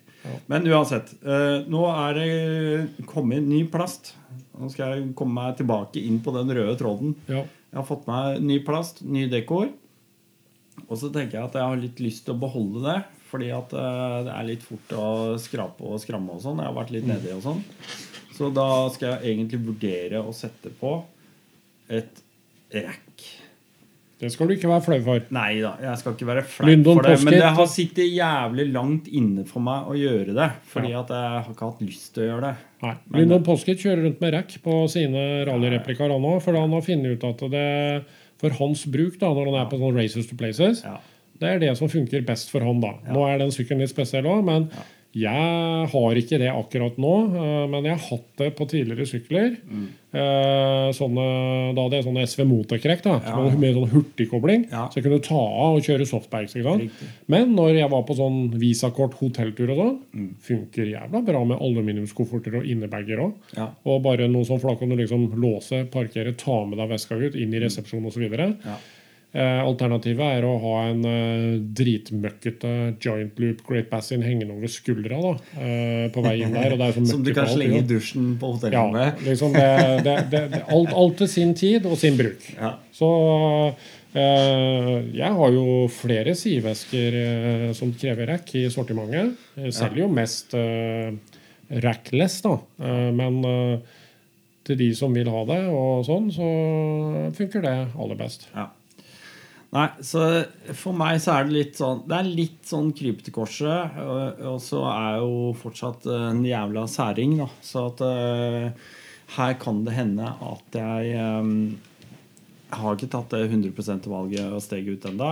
Men det, det er av alle de som jeg har vært borti, som tilbyr rack, så er det kun ett rack som gjelder for meg en del. Mm. Og det er Outback eh, Motortech. Er det ikke Outback? det- Outback, ja. Ja. ja. Det er det eneste racket som gjelder for min del. Veldig store og populære i USA. Ja. Vi eh, har det jo også her i Europa, men eh, de er kjempestore borte i USA og Canada ja. Og Når han Corey Hansen da, i Camel skal lage et produkt Mm. som skal være kompatibelt med andre ting, da er Outback eh, altså de, der, eh, de, de, de er liksom noen av de første han tester med. da. Ok. Så det, det, det er stilig. Ja. Fordi det som, eh, det som kommer da, det som er greia mi, det, eh, det er at eh, enten så blir det et ferdigprodusert rack fra dem, eller så blir det å få sveisa et eget rack med en lavere vekt, men hvor vi bruker mindre eh, gods. Altså ikke tynnere gods eller svakere gods, bare mindre Ja. av det samme. Like holdbart for å komplementere med noe du har i butikken din. Og det vet jeg, det er eh, Giant Loop med eh, de derre festeplatene Ja. og de derre baga. Hva faen er det de heter igjen, da? Jeg husker jo ikke det engang. Enten mototrekk eller Mototrekk, Round the. World. ja. Round the World er flaggskipet. Ja, ja, ja. Eh, mototrekk eh, Men de har samme baseplaten. Ja, Ja. det har de. Og den baseplaten tenker jeg å bruke å lage rack etter. Det er smart. Ja. Å ha den plata i hånda først. Ja, Hvis du skal lage noe. riktig. De er sånn universelle, men det fins utfordringer Jo. der òg. Men det, så langt eh, funker det det Jeg meste. vet, jeg vet det er universelle, men Ja. hvis du tar utgangspunktet i den baseplaten Ja. til Giant Loop, sånn som jeg har tenkt, Mm. så kommer jeg til å stille inn de, de der festene, de tre punktene på baksida, sånn som jeg vil ha de først. ja. Og så lager vi ramme etter det, Det blir perfekt. og så sveiser vi den tight Ja. På ramma. ja. Eller på sykkelen etterpå. ja. Du må vel lage deg noen fester? Du skal ikke sveise dem i ramma? Du skjønte jo det. Ja. Jeg skal sveise det rett i ramma. ja. Eller Rett, rett, rett i ramma og baksvingen, faktisk. Nei, Så jeg kombinerer. ja, rett, rett, rett i baktanken i plastikk. Ja, ja, ja. Nei. Det var ikke det jeg mente. Men Eh, Kriga òg har sånne plater. vet du. Ja. Det er veldig smart. ja. Da har du på en måte en, eh, en væske som er festet i ei plate, som du hurtigkobler til rekka. Eller så må du drive og stroppe da, Ja, og sånn for hver tur. ikke sant? Men eh, Runa Grydeland er det mange her som veit hvem er. Hun er jo en eh, joint loop og backcountry MC-ambassadør. Eh, hun har jo noen veldig store nyheter nå om dagen. Hun har jo blitt uh, Husqvarna uh, Nordic ambassadør. Og skal kjøre rundt med en Norden Innoland. Uh, nok om det, da. Hun foretrekker ikke platene. Hun, vil ha, hun bruker mototrekk. Ja. Hun, Round the World var for stort for henne. Mm. Mototrekk fant fant ut det var sånn passa hennes bruk. Mm. Hun faktisk hekter dem på med de reimene som er innebygd. Ja, ja. Eh, på morgenen, da, eller hva jeg skal si da, hvis hun trenger å ta av bagene. da, Ja. For hun tenker vekt. Ja. Vekt, vekt, vekt, vekt, vekt, fordi platene veier jo litt, de òg. ja da, jeg skjønner, jeg skjønner at de veier. Men dette finner du ut, Dennis.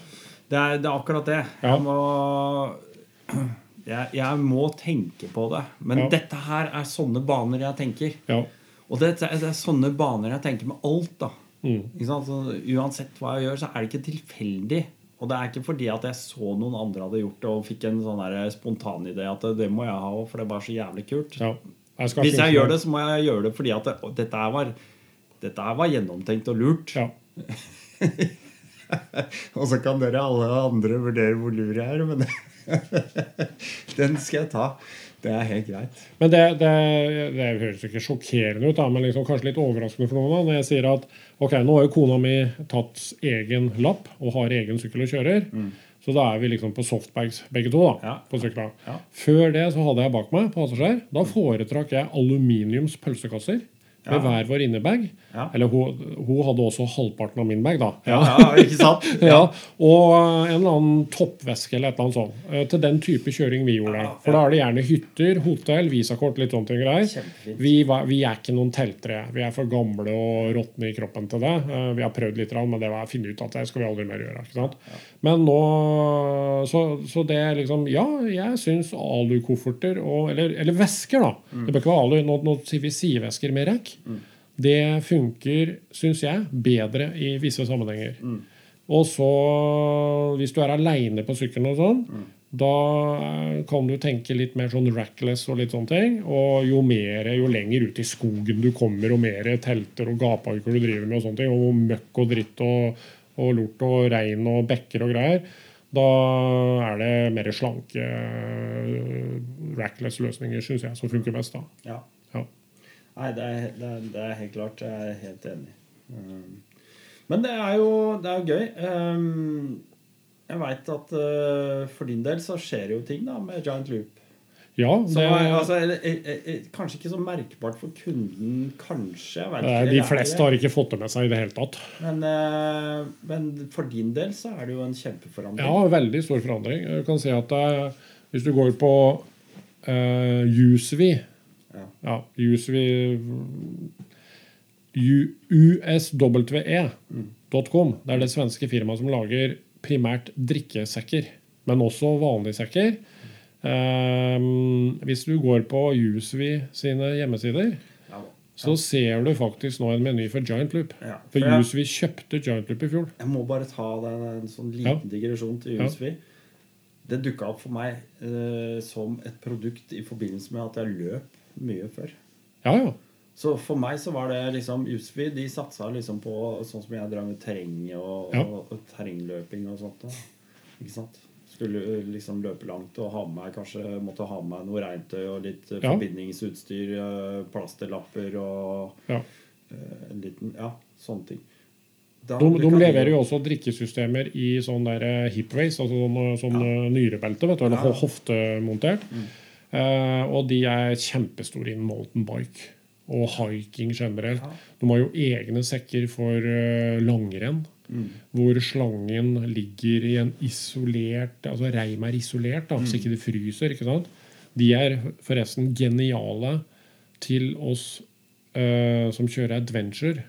For vi har ikke denne her biteventilen i munnen mens vi kjører. Nei. Men vi kommer fram, eller så vi tar en pause, eller sånn da, Og så er vi gørrete og greier. og sånn Da Og da er det bare en sånn liten sånn glidelås, og så bare tar du ut den der, og så sutter du på den og drikker da når du har litt av pause. Ikke pause, men du stopper litt av den sånn Ja. Og så kan du bare gjemme den der sånn er rein og fin. Ja. For jeg har jo sånne drikkesekker når jeg kjører når jeg var på Gotland nå. ikke sant? tygge en TC Ja, det, det var fin. Uh, Ut på første runden på Gotland. Uh, jeg starta sist, for jeg har aldri vært der før. Så jeg hadde jo ingen siding. Så jeg startet sist da, i, i et felt på 1100. Fy fader, den der biteventilen den smaka jo gørr i en hel time etterpå. Det er helt umulig. men, men der har du ikke tid til å stoppe eller, da, og ta ut den. Nei, men nok om det. Så Jusvi da, de kjøpte Giant Loop. Satser hardt på dual sport. Ja. Dual sport, det er jo et begrep som vi eh, kjenner eh, til eh, så vidt. Men du og jeg veit veldig godt hva det er. USA er det et kjempefenomen der med dual sport. Ja. De kjører gjerne lange distanser på highway og sånn for å komme til områder Moab og eh, ja, eh, Mojave og sånne ting. Ja. For å kjøre liksom alle moro. Så er det hjem på veien. liksom da. Man bruker dual sport, da, kan du si. Det er gjerne sånn ensylindra sykler, kan man si. Det er enduro opp til sånn 60-701, da. Ja. Men uh, for tosylindra sykkelen, det segmentet der, det er litt mer sånn adventure offroad riding, da. Men dual sport, vi satser hardt på det. De skal bli en av de ledende innen produkter der. Og, og mm, det er også andre spennende ting som Usevi driver med. eh, som du også finner igjen på, på hjemmesidene deres, som ligger ute der. Og det skjer nok, tror jeg, mye innen også klær eh, for Usevi fremover. Så det, det, du, du ser noe der allerede på hjemmesidene deres. Det for min del, da, Backcountry Gjemsø, jeg har jo vært importør eh, Ja. for Giant Loop i Norge siden 18. Det er en fordel og en stor ulempe. Fordi at du kan tenke deg det er veldig kapitalbindende å gjøre disse årsordrene svære ordrer. Veldig dyr frakt osv. Selvfølgelig er det jo bedre marginer da, på produkter når du er importør og kan selge det direkte til, til sluttbruker. Du slipper et mellomledd. Men uh, så er det veldig mye kostnader forbundet med det, da, og veldig mye kapitalbinding. Uh, og når jeg har kjøpt varer for 200 000, da kan du banne på at jeg har kjøpt litt for mye grå farve, og det skulle vært litt mer i svart, f.eks. Sånne ting da. Ja. Det som skjer nå, er at de etablerer eh, et lager i Sverige med Giant Loop-produkter. Og da blir det mer sånn business to business for meg. Jeg går over i en mer forhandlerrolle. Og skal ikke se bort ifra at Giant Loop det dukker opp i andre motorsykkelforretninger og utstyrsforretninger i Norge. Ja. Jeg håper jo det. så at uh, For Giant Loop er jo ikke et merke som er sånn veldig kjent. Det er ikke det. Det er for litt spesielt interesserte, som jeg sier. De som veit hva de vil ha. da. Det er mange av de som ender opp uh, med Giant Loop. Uh, og det gjør det mye lettere for meg med tilgang til varer. Litt sånn uh, eh, Det er jo folk som må kanskje vente en par måneder på en spesiell farve, en modell for meg. For da jeg kan ikke bestille to Nei. tankvesker liksom, i den farven. Frakta er altfor dyr. Ja. Så jeg må ta svære partier. da. Mm. Men nå er det mer sånn at det blir da at eh, hvis jeg kjøper varer for eh, x antall tusen kroner, så er det fri frakt og kommer på to-tre dager. og sånne ting da. Det blir mye bedre. Ja. Så tilgjengeligheten. da. Og det gjør at jeg kan til enhver tid ha alle mulige varianter og farver på lager hele tida. Mm. Det bør ikke ha så veldig mye eh, på lager, for det er rask tilgang. da. Men igjen til det vi nesten starta om. Jeg hater butikker med bare sånn skaffer. Jeg vil det skal være på lager. For du veit åssen det er. Du sitter og gnur på noe. Turen, turen din starter til helga. Og på mandag-tirsdag da bestemmer du deg, og da vil du ha det innen torsdag. ikke sant? Ja, Det er sånn det er. Eh, Noe base vil du vel ha i butikken uansett.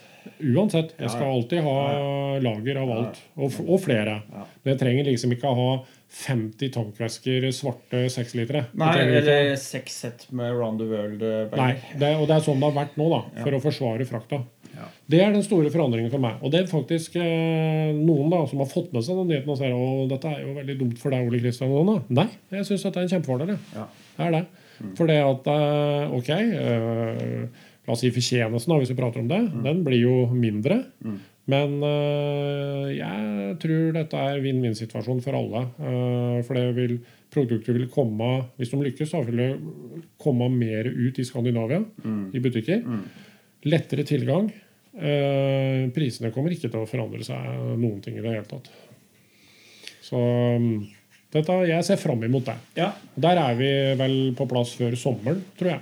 Jeg tror, jeg tror det blir veldig fint, og jeg, tror, jeg har også tro på det i forhold til at du Som du sier, butikken blir litt til etter hvert som det går, og, og jeg tror liksom det å få At du, da For du er jo, du er jo den eneste. Du har jo ikke noen, assistent eller noen folk som driver for, hjelper deg med disse tingene her sånn. Ikke akkurat den biten her, men jeg har faktisk eh, både kamerater og familiemedlemmer som hjelper meg eh, i businessen. Spesielt hvis jeg har eh, dårlig periode med helse. Ja, Men også når det er litt mye å gjøre og sånne ting. da.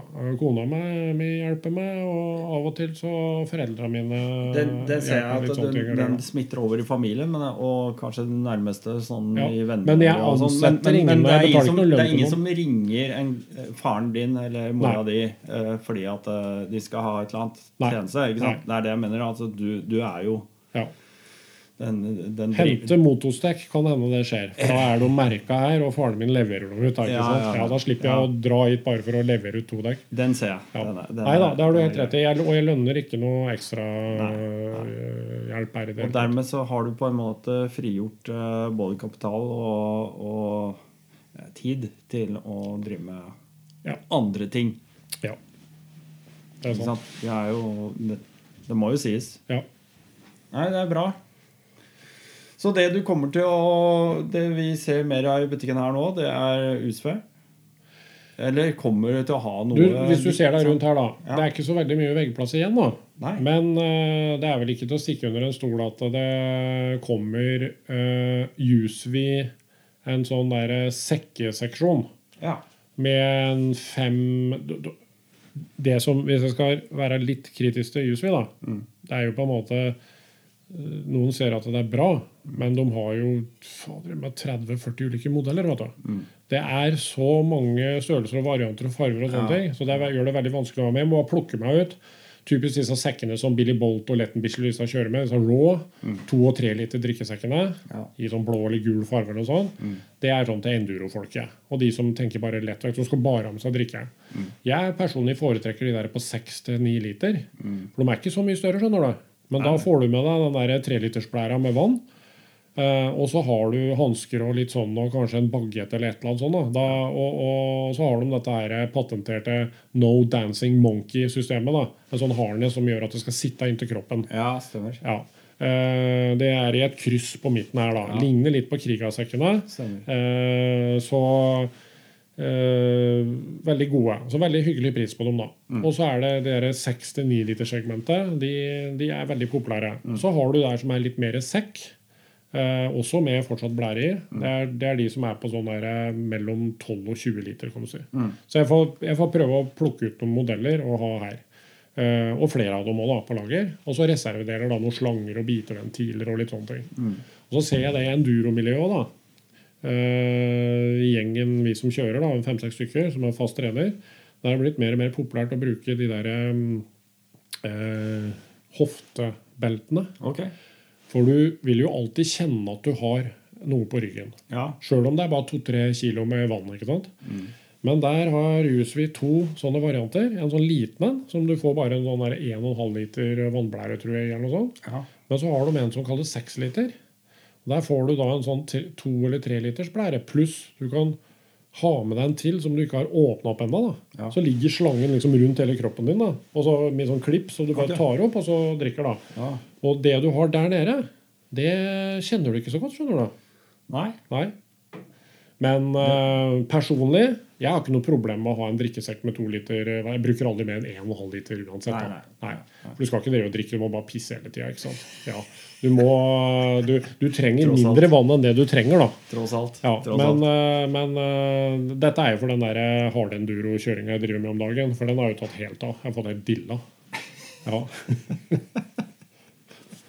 Nå skal jeg kjøre hele målet da, kjøre hele korstoget, serien i Sverige. Altså Battle of Viking-serien.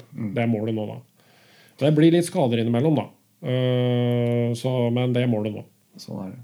Ja. Du, når du pløyer ut i disse Ja. her løypene dine, og ellers så er det jo ikke noe hemmelighet at uh, Motos uh, har jo du drevet med et par år nå.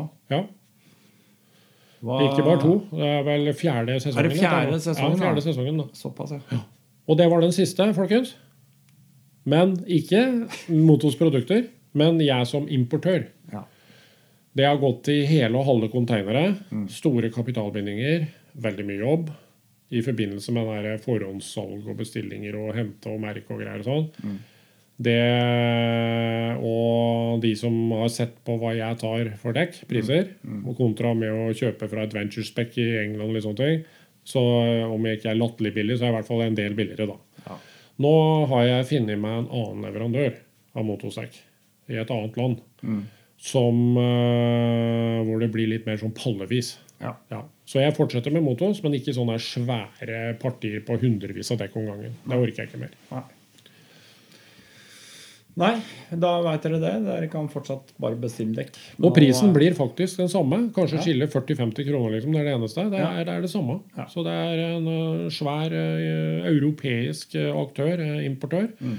Som eh, jeg har en grei deal med. Men da blir det ikke den der bolkbestillinga som det har vært liksom hver jævla desember. Nei. Så har det vært bare stress med å Ja. finne ut hvor mye dekk du skal ha neste år. Ja, For bestillinga må gå i november, vet du. Ja, Eh, ja november. men... Jeg må gå i november, for Ja. de blir produsert i januar og noen ganger i februar. Så kommer de i mars-april. Og det er slitsomt. Og så bommer du litt, da.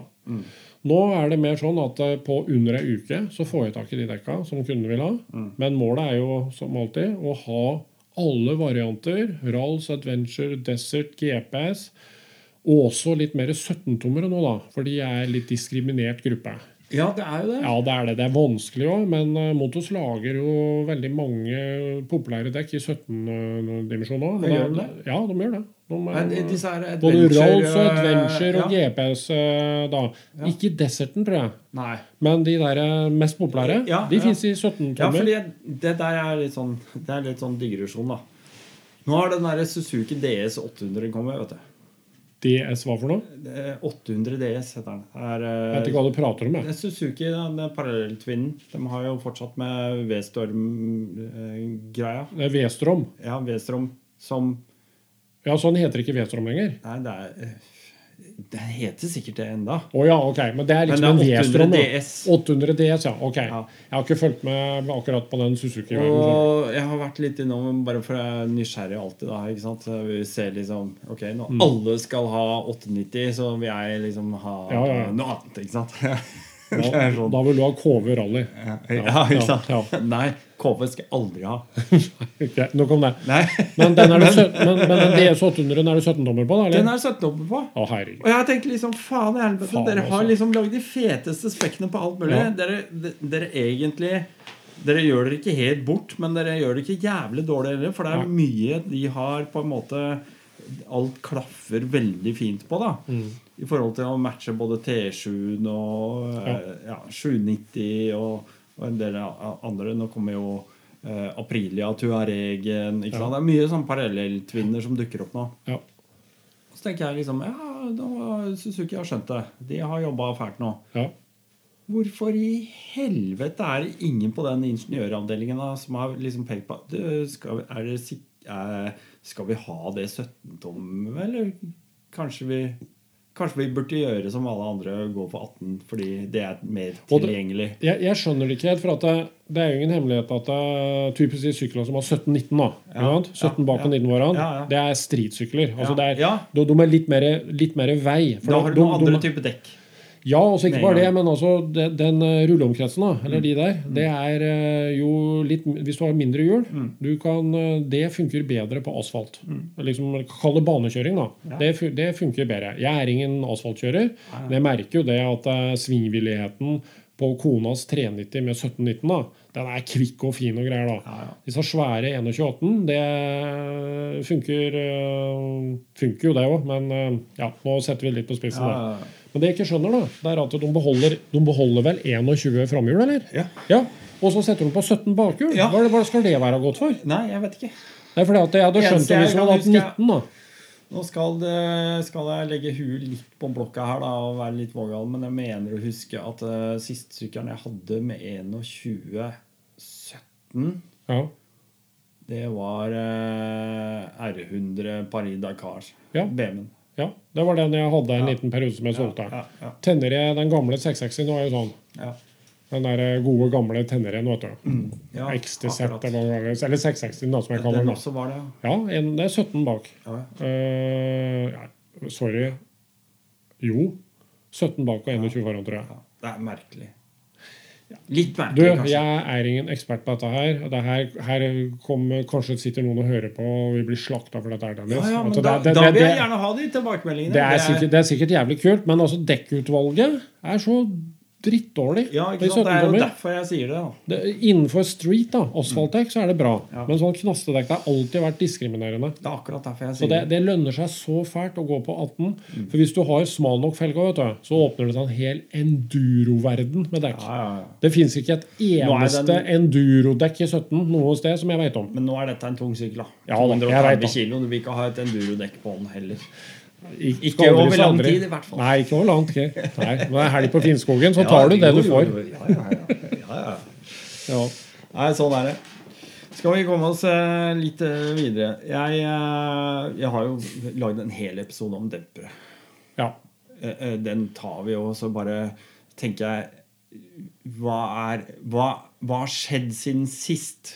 Skal vi si mer om på den måten? Og Fordi jeg var jo innom her, vi rigga opp, og du to, tok du, jo jeg kan jo bare, Vi bare summerer opp veldig kjapt. Ja. Eh, liksom, eh, Det var et såkalt paradigmeskifte etter at Petter Solnør Mm. Jeg bygde dempera til han i Rally Hellas, ja. og han kom på andreplass i klassen sin. Mm.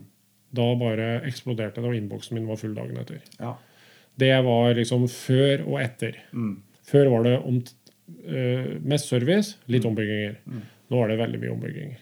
Eh, men, og da kommer det alltid service med, da. Ja, ja. Og det er jævlig kult. ja. Men eh, det er, takk skal du ha, Petter. Eh, han Peter. kom på, Peter, ja. Peter. Peter Solnør. Han kom på andreplass der, og da bare poff. ikke sant? Alle skulle ha Solnør-oppsettet. Så det resulterte i Rally Hellas, Ja. Montebello og Råtneblikk Edition. Ja. På 69701. Vært en kjempesuksess. Ok, Så har jeg også som eneste utafor eh, leverandøren, produsenten i Finland, eh, rallykit til 790. Det også har ikke tatt helt av, men det beveger seg. Jeg driver her ute nå, eh, as we speak, med en rallykonvertering av 790. Ja. Det er liksom før du går til prodempere. Ja. Men så er det også mye eh, eh, salg av high end-dempere. Det er også tatt av. Jeg har solgt masse, eller masse, nå, nå skal jeg ikke ljuge her. Eh, Jeg har solgt en del Mm. Conevalve Supertracks og eh, Close Cartridge Conversion Kit da, til eh, KTM-er spesielt. Altså de såkalt eh, 6500-kitta, som er Close Cartridge. Eh, så det er mye high end-dempere òg, da. Det er det. Mm. Eh, medaljen har alltid en bakside, så jeg begynner å få veldig mye spørsmål om mye sånn rare ting. da? Og ting som jeg ikke kan så mye om, og vil ikke ta i heller. da. For jeg, igjen da, det med å blåse opp brystkassa, det skal du først gjøre når du veit at du kan det. Ja, ja. mener jeg. ja. Så det er spørsmål om mye sånn gamle linser og greier, og det er eh, ombygging til flat-trackere, vet du, som er et miljø som er eh, oppe i Norge. ikke sant? Stemmer. Da skal de jo Da skal de jo senkes og kortes ned slaglengde på alt mulig rart. vet du, og Der kommer de med crossykler og sånn. da. Nei, det får andre ta seg av. Jeg er ikke der ennå. Nei. Vi må holde oss til det vi kan. Ja, det er smart. Ja, det er det. Det er smart. Men når det er sagt, da. Jeg bestemte meg jo litt i fjor at eh, KUB-avdelingen Mm. den, den skal jeg holde på et minimum. Mm. Det er jo ikke klart. Nei. Jeg bygger om så mye Yama T7, for der er jo sykkelen veldig ubalanse fra fabrikk. Han er jo altfor mjuk bak. Ja. Og for en helt standard fører, da, sånn 75-85, så er han for stiv foran. Han er for stiv foran og for mjuk bak. Så fjørene er jo første som må byttes. Så jeg, jeg får jo nesten ikke tak i nok fjører. Det er hele tida. Men så kan, kan vi ikke stikke under en stol da, at det er enten K-Tech sine ORVS eh, ventilkit som jeg installerer, Mm. og det er RCU-kittet bak i støtdemperen. Helt nytt stempel og skimstakker og alt sånt. Ok. Eh, men det også nå driver og flytter seg på gaffelsida til eh, sånne fulle cartridger, bare sånn drop-in. da. Så for prisen blir nesten det samme, for det er så mye jobb på de der ORVS-kitta. Det er veldig mye. For, for jeg må jo bare få lov til å si det, jeg syns disse Kyb-gaflene er litt tunge å jobbe med. Ja. Tar mer tid. VP er så mye enklere å drive med. Det er, så mye, det er så, gjort så enkelt sånn for å serve. da. Ja. Og, og, og teknologien er helt opp. Kvaliteten. Så de er litt, litt tyngre å jobbe med, disse kubgreiene. Men, eh, Så du må bruke mer tid. Men da kan du bare kjøpe sånne ferdige cartridger som kommer fiks ferdig konfigurert. ikke sant? Eh, med et standard setup. da, Bare dropp inn. Og det funker for en stor del. Og det, så den, eh, det jeg lova meg i fjor, da, at jeg skulle holde det på et minimum og helst ikke drive så mye med det, det er jeg feila totalt på. Det er, og nå har jeg jo kjøpt meg en T7 sjøl, og den skal jo få lov til å bli kjørt OM med riktig fører. da. Ja, ja, ja. Så K-Tech ORVS. Så K-Tech fulle cartridger. De er allerede bestilling.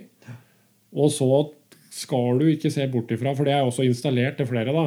Eh, Tractive. Ekstrem. Ja. Da prater vi. Da, Da- da prater vi kroner òg, da. Da prater vi. Ja, og jeg har jo testkjørt uh, disse syklene vet du, som jeg bygger om. Det er jo forskjell på himmel og helvete da, vet du, fra standard til ombygging. Ja, det funker bra, altså. Det er, det er moro. Så det er veldig kort summert opp. Eh, demperbusinessen går eh, veldig bra. Veldig mye å gjøre. På, og folk har hatt litt sånn panikk nå, før sesongen begynner. Og, og serve og serve. Og han tåler jo at jeg sier det. Og før Peter Solner, da, det Ja. ombyggingsgreiene, så hadde jeg også på en måte en sånn derre service og vedlikehold av gaffelsjokk når Dag Jensen sendte inn sin ti år gamle superenduro. Ja. Hvor ventiler og alt hadde bare rusta fast og sånn inni der. Ja. Og da begynte det å komme mye sånne 990-er og sånn i posten. da, ikke sant? Ja. Eh, og det, det har vært eh, moro. For det, det har vært mye dårlig, men faktisk også overraskende. Noen sykler som er styggamle, men ikke brukt så mye. da, Ja. Som har vært i overraskende bra stand. da, Men det har vært mye dårlig. altså. Men det har åpna opp øya litt på folk. da. For de sier ja, men det, det, det sier klikk når jeg klikker. Jeg klikker og funker. Nei, de funker ikke. Nei. De funker bare oppe i toppen. Ja. For stanga, stanga får du ikke flytt en millimeter, for den dytter på en ventil som har rett og slett bare rusta fast. Det er bare av gørr. Og det som sitter nede i ventilene, det er ikke, har ikke noe med olje helt tatt å gjøre. Det er sånn slipepasta. Og da, Det er moro da når de får det igjen, da. Og det første de sier, liksom Oi! Oi. Oi, ja. Den eh, jernbaneovergangen jeg kjørte over der, Ja. Den rista så jævlig før. Nå kjenner jeg den nesten ikke. Eller, altså, nå er den mye bedre. Ja, liksom, Oi! Hvorfor gjorde jeg ikke dette åtte år tidligere? Ja. Nei, det er helt rått. Kjører du med bilen din og samme motorolje eh, i åtte år? Nei. Nei, vi gjør ikke det. Nei, gjør ikke det. Gjør Ja. det. Nei, nok om det. Vi bør ikke prate mer dempere her. Jeg er ingen, absolutt ingen guru, Nei. men jeg har en mentor i et annet land Mm. Som eh, jeg har vært på nå. Det, det, det er jo en nyhet, da. Jeg har vært på, la oss si, gått på skole. Ja. Så jeg dro ei uke til Finland Ja. og fikk lov til å jobbe og kjøre sykkel. Mm. Sju dager sammen med en guru Mm. som har Eroremes som kunde. Eh, det er noen andre jeg ikke får lov til å si, men han har hele finske eliten. da, for å si det Mm. Ja, sånn. Han er stor. Og jeg bare liksom lurer på hvordan i all verden uh, gidder han å akseptere Han syns det er litt kult da, å se litt utafor Finland. Eh, og det der eh, regionen han eh, hersker i Sør-Finland. da. Ja. Uh, litt utafor det. Han syns det er litt kult. da. Og det er jo ingen hemmelighet at finner og nordmenn vi er egentlig litt gode kompiser. Ja. Er det. Ja. Og, det, og så har vi en felles fiende. Det er den i midten. da. Ja. Og det har vi jo litt moro med. da. Nei, så han, eh, han bare tok meg imot med åpne armer. Og jeg hadde jo selvfølgelig med meg masse Jeg måtte jo stoppe på tollen da, og cashe ut for moms. Ah. Sånn der midlertidig Ja, ja. eksport. da. En litt sånn forenkle prosedyre de har på grensen her. Ja. Hadde jo hele bilen full i conevalve og trekser og gamle conevalves og, og gamle 990-dempere med ødelagte preload-justeringer. Så har jeg lært masse der borte. Ja. Masse triks, eller altså mye greier. Og, og fant jo ut da at jeg, La oss si at jeg trodde jeg var sånn eh, midt på treet, da, kunnskapsmessig, for eksempel, som ta et eksempel. Etter å ha vært der, så fant jeg ut at nei, jeg var bare en tredjedel. Det er et, det er et du, her- eh, må du jobbe i 30-40 år for å bli guru. Da fikk jeg lov til å jobbe med sånn suspension dyno. Det var kult. Ja. Hvor vi monterte før, bygde om og etter. Og så på trykkurver og sånn. da. Så en, så kunne jeg få teste litt hvor mye jeg kan. Ja. Og det var kult. Ja. Fordi at da, ok, Da fikk han- du det svart på hvitt på skjermen. han ga meg et oppdrag, da. Det var hans egen bakdemper. Ja. Han var ikke helt fornøyd med den. Han ville at jeg skulle han ville at jeg skulle beholde en initiell uh, firmness. da, At han skulle være litt sånn kompakt å begynne med. Mm. Men han var for progressiv. Så han, for Vi var ute og testkjørte. Ja. Så han fikk mye spark bak i noen sånne fæle vups. Dette var jo vinterkjøring, men det var jo på deler på en gammel endurobane, sånn sand, så det blir mye sånne vups. da. Ok, Han ga meg en oppdrag, og jeg hadde en teori. Og han øh, la fram den for meg først. Og så sa jeg ja, greit, ok, jeg kan prøve den, da. Er du sikker på det, sa jeg. Ja, han trodde på det. Ok, om vi gjør sånn og sånn. Ja, greit, sånn da. Kjører den. Helt feil. Ble helt motsatt. Det ble motsatt, ja. Helt motsatt. For det er gjerne sånn at eh, du fikser noe, da, men det påvirker noe annet òg. Ja. Du må tenke liksom, Kurvene går jo opp og ned, og de blir øh, veldig progressive og ikke og sånne ting. ikke sant? Tre ganger bygde jeg om den eh, bakdemperen. Da fikk vi den eh, shapen på den kurva. da. For alt handler bare om oljetrykk og hvor mye han slipper igjennom da, under forskjellige hastigheter på skaftet. Da, ikke sant? Og jeg skal love deg det at den kjøres med kanskje øh, sånn oppi 50 meter i sekundet og sånn Da, du, øh, på løkken her. Og, og første gangen så lurte han meg, da. Så sa han nå kan du ta ut øh, støttempelet. Kjørte en sånn testgreie. Og jeg vet du, bare går bort der og tar med hendene på her. Holdt på å brenne fingrene av meg. Fy fader, så varm den demperen er. Ja, Det er bare nesten så du kan steke egg på den. Ja. Så jeg, men Tåler disse stempla og disse belegga og det og teflonbelegga på stempla? Ja, ja, da tåler det sånn. Kan tenke deg de som kjører sånn dagevis da, i Rally Dakar og sånne ting. der, da. Men så varme så du kan brenne deg på dem. vet du. Ja. Ja, det var overraskende, det. En gaffel, vet du, den blir jo aldri varm, den. Aldri. Noen driver og prater på det at ok, du må ha nitrogen vet du, i close carters, i bladder-system og sånn. Trykkstøtte. Bare tull. Kan bare bruke luft. Akkurat samme. Blir bare noen få grader for seg. Ja, ingenting å si. Så han, som han sier òg, det er bare å bruke luft. Det sier de også, disse ekspertene på YouTube. Det, du må ha nitrogen der, da. Bare, bare tull alt sammen. Men du, jeg bruker nitrogen sjøl, for at eh, han står der med nåla i. ikke sant? Eller så må jeg finne aerpumpa mi og montere nål og gjøre da. Så jeg bruker det, Men du kan bruke luft. Bak så er det helt annet. da. Men det var eh, bra. Jeg har gått på skole, da. Lærte masse. Og Ja. fant ut egentlig at uh, man kan ganske lite. Ja. Og han har jo drevet ha igjen med dette her i 20 år, ikke sant? Men, men jeg syns jo det er, en, det er veldig fint, og det er veldig sånn selvransakende å kunne sitte og si sånne ting. Og, og at øh, øh, Nå skal det ikke øh, ikke forveksles med at du har bare veldig, veldig mye gode tilbakemeldinger på de dempejusteringene og oppsettene du har gjort. da. Jo, takk også, for det. Jeg, og får- jeg får tenker jeg, og så tenker jeg det at når du sier at du ikke har lyst til å touche bortom flat-trackere og sånne ting, så sier det egentlig bare at uh, du har skjønt at uh, evig eies kun et dårlig rykte. Ja. Ja. Og, og da Da tror jeg at du skal være ganske glad for det, altså. Ja, jeg, du, jeg prøver en sånn sherry-cola. Sherry cola? Ja, siden du spør. Da tar vi den. Prøver den. Da tar vi vente med Tuborn, da. ja, det skal vente en stund med. Åh, Ja. men uh, jeg skal, Nei, jeg har hatt mange i miljøet, flat, eller noen da, i flattrack-miljøet som har kontaktet meg. Kan du korte den her? ting? Jo da, men altså sånne Nei, vi- små eng... Kanskje, jeg veit ikke. Dette vurderer, du sjøl alltid, men, men uh, det er en trygghet at du, du holder deg til de tingene du i hvert fall kan. Ja. Og så Jeg kan bare nevne ett eksempel her. da. Jeg har Ja. en kompis. Ja. Han er litt kortbeint. Ja. Vi, som jeg sa, vi Er det Frode, eller? Nei. Han er, måtte han, er han- Frode han er ikke kortbeint. Han er superkortbeint. Ja. Jeg har en som er kanskje noen få centimeter høy, men likevel. Han har fått også Dilla. Han er med i gjengen. da. Vi er seks stykker i en gjeng. Han, øh, og vi er, kjører jo stort sett nesten bare hard enduro om dagen. Ekstrem enduro mm. på godt norsk. Og vi er gule og blå veldig ofte. Jeg har lange bein, kjempefordel. Han har korte bein. Og han øh, kjøpte en helt ny gasskasse. Og han rulla nedover her og der og hit og dit hele tida og slo seg fælt, altså. Så sa jeg du skal ikke vi ta oss og senke gjennom sykkelen din? Ja, for kortere slaglengde og sånne greier. Men du trenger ikke den. Dette vi driver med. Ok, kanskje når vi skal over noen stokker, da, så vil båndplata di ta litt før. Men bare ta, ta litt mer fart så du sklir over. ikke sant? Han gikk fra å være C-kjører til eh, B-kjører over natta. Ja, det er min erfaring også. Ja, fy fader. Ja, det, no, det er så moro å se. Så jeg, det er liksom en oppfordring. Og jeg, jeg senker mye sykler, til og med endurosykler. Ja. Uh, og jeg senker spesielt 690 og 700-ere. Uh, de, de er litt høye, vet du. Ja. Og det øh, Folk blir øh, Får et helt nytt liv. Blir omtrent som disse Gerbing, Gerbing varmejakkene som vi ser. Det. Ja, ja. Så det er før og etter det, altså. Jeg har fått et nytt gym. Nei, men du, det er dem... øh, øh, senke sykkelen.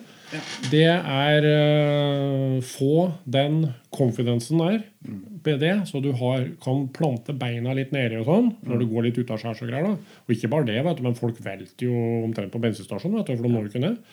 Og så kan du heller jobbe hvis problemet er slaglengde. At du bånder hele tida. Du, og nei, du trenger jeg trenger 270 mm slaglengde, for jeg kjører så fælt. liksom. Ja. Nei. Og, øh, og du har 235 nå, da. Gå heller til 200 i stedet for 270. For da har du, og så har du bruke den. Kan vi gjøre den heller litt mer progressiv? Det vil fungere så bra. Det er de aller færreste som, som øh, virkelig trenger la oss si 300 mm. Da. De som monterer endurodempere på 690 for eksempel, da. 300 mm. True 300, som de sier da. Ja. Mm. Ja da. Hvor i all verdens land og rike øh, På sånn vanlig som kjøring som vi driver og prater om, da, trenger du det? Her kommer folk inn da, med gaffelindikatorer. Sånn og sånn, og sånn og Så er sånn. det en Så syv er det igjen centimeter. 6-7 cm. Du bare Ja. ser det at øh, den har jo nesten aldri vært der nede. Ikke sant? Du bare Mm. ser det at det har begynt å bli slitt til og med. Vet du, der den har stått, ikke sant? Her må vi lage den mjukere, eller senke den litt, liksom, som jeg sier. For du, eller må i hvert fall mjukere, så får du brukt hele stroken. da. ja. Ja, og da blir de litt overrasket. Absolutt. Du, eh, apropos dette her. Jeg vet ikke om du har lyst til å si noe om det. Vi, vi prata litt om det på telefonen for et par dager siden. At uh, du vurderer noe, noe greier mot høsten. Å ja, Uh, du tenker på litt sånn event. Ja. Ja. Da kan jeg jo si det at uh, i mange år så har eh, jeg blitt kontakta av folk. Liksom, Ole Kristian, kan ikke du ta et gruskurs? Eller hvis vi bruker den terminologien her, da. Og som jeg sier eh, Nei, det kan jeg ikke. Du har jo kjørt grus i to-tre år. Jeg har kjørt i 20 år, da. Eneste forskjellen på deg og meg er at eh, Eller likheten, da. Vi begge to veit hva vi skal gjøre, og hva vi ikke skal gjøre. Eneste forskjellen på deg og meg er at jeg kanskje kjenner friksjonen mellom underlag, gummi, demper opp i styret fortere enn det, og kan sette opp sykkelen liksom inn mot en sving raskere da. Du trenger bare mengdetrening. Ja, de er jo egentlig litt enige da. Men nok om det, da. Det har vært så mange på meg, og jeg holdt på i 20 å gjøre et eller annet, men da kom denne coviden, gudskjelov, så kunne jeg utsette det enda litt til.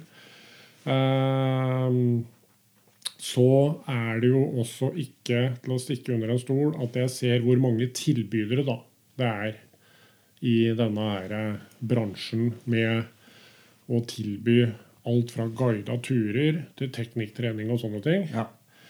Og jeg skal ikke prate verken godt eller stygt om noen andre. Ehm, Jeg mener det da, at hvis jeg skal bruke penger på noe og dra til noen, så bør det være en som har vært med litt i krigen.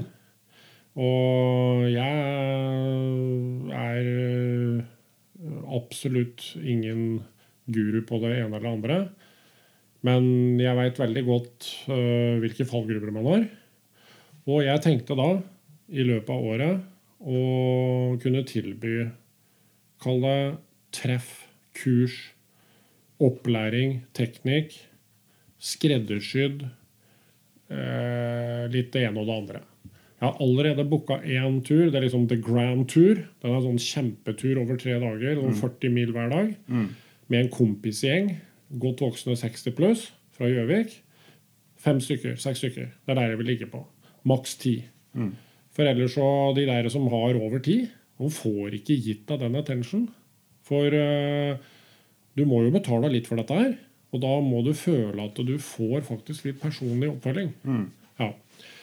Og det koster jo litt, for du må jo ha noen medhjelpere med deg. og sånn, Og det skal være litt fasiliteter og det ene og det andre. da. Men uh, vi må komme tilbake til litt uh, hvor jeg lander den der. Men uh, det blir For de enkleste, da, så kommer du hit fredagskvelden, så drar du på søndagen. Ja. Og på den tida der så har du fått vært med på noe på fredagskvelden.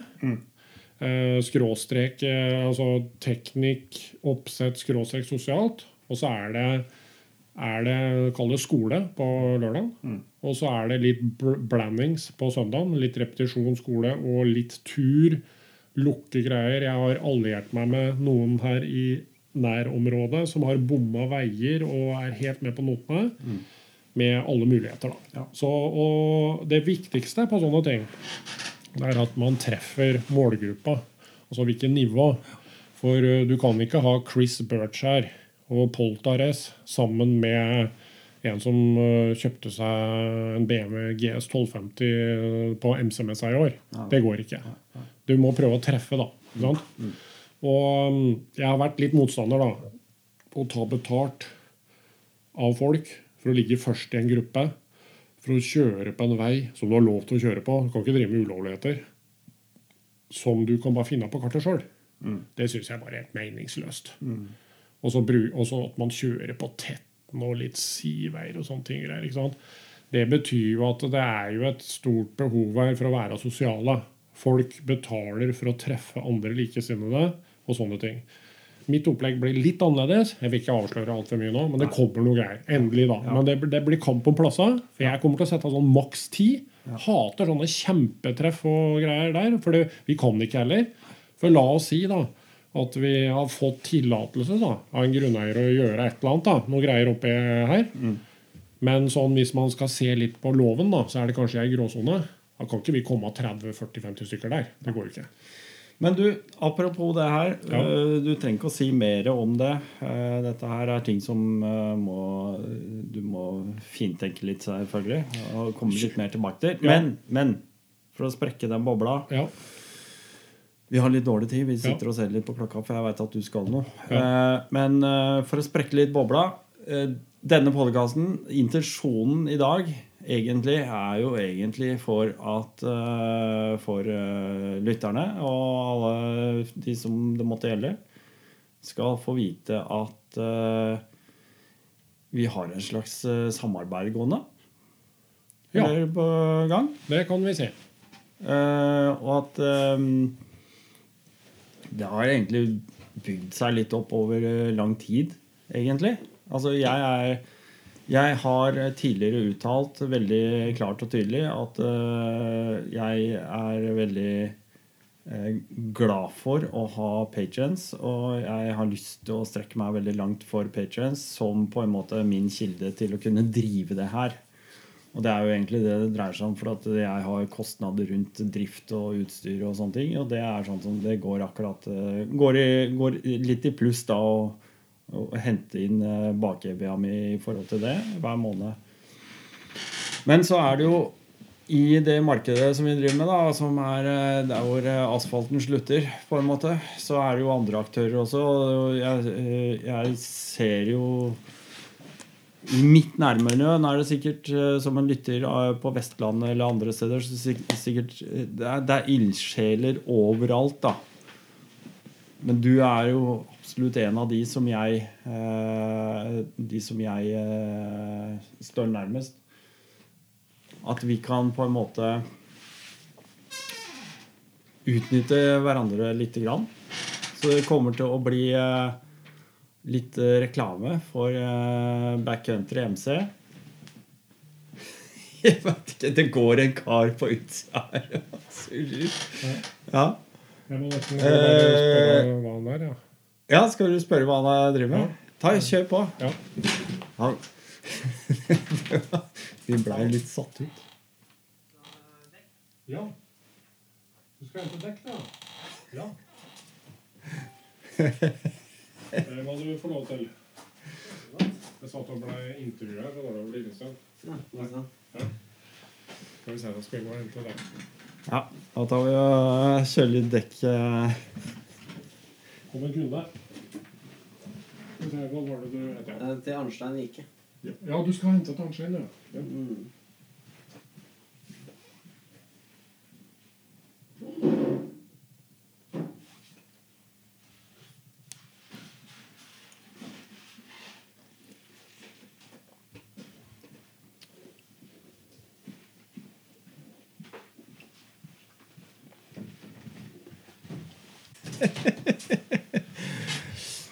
Ja, den var vi, den var vi heldige med.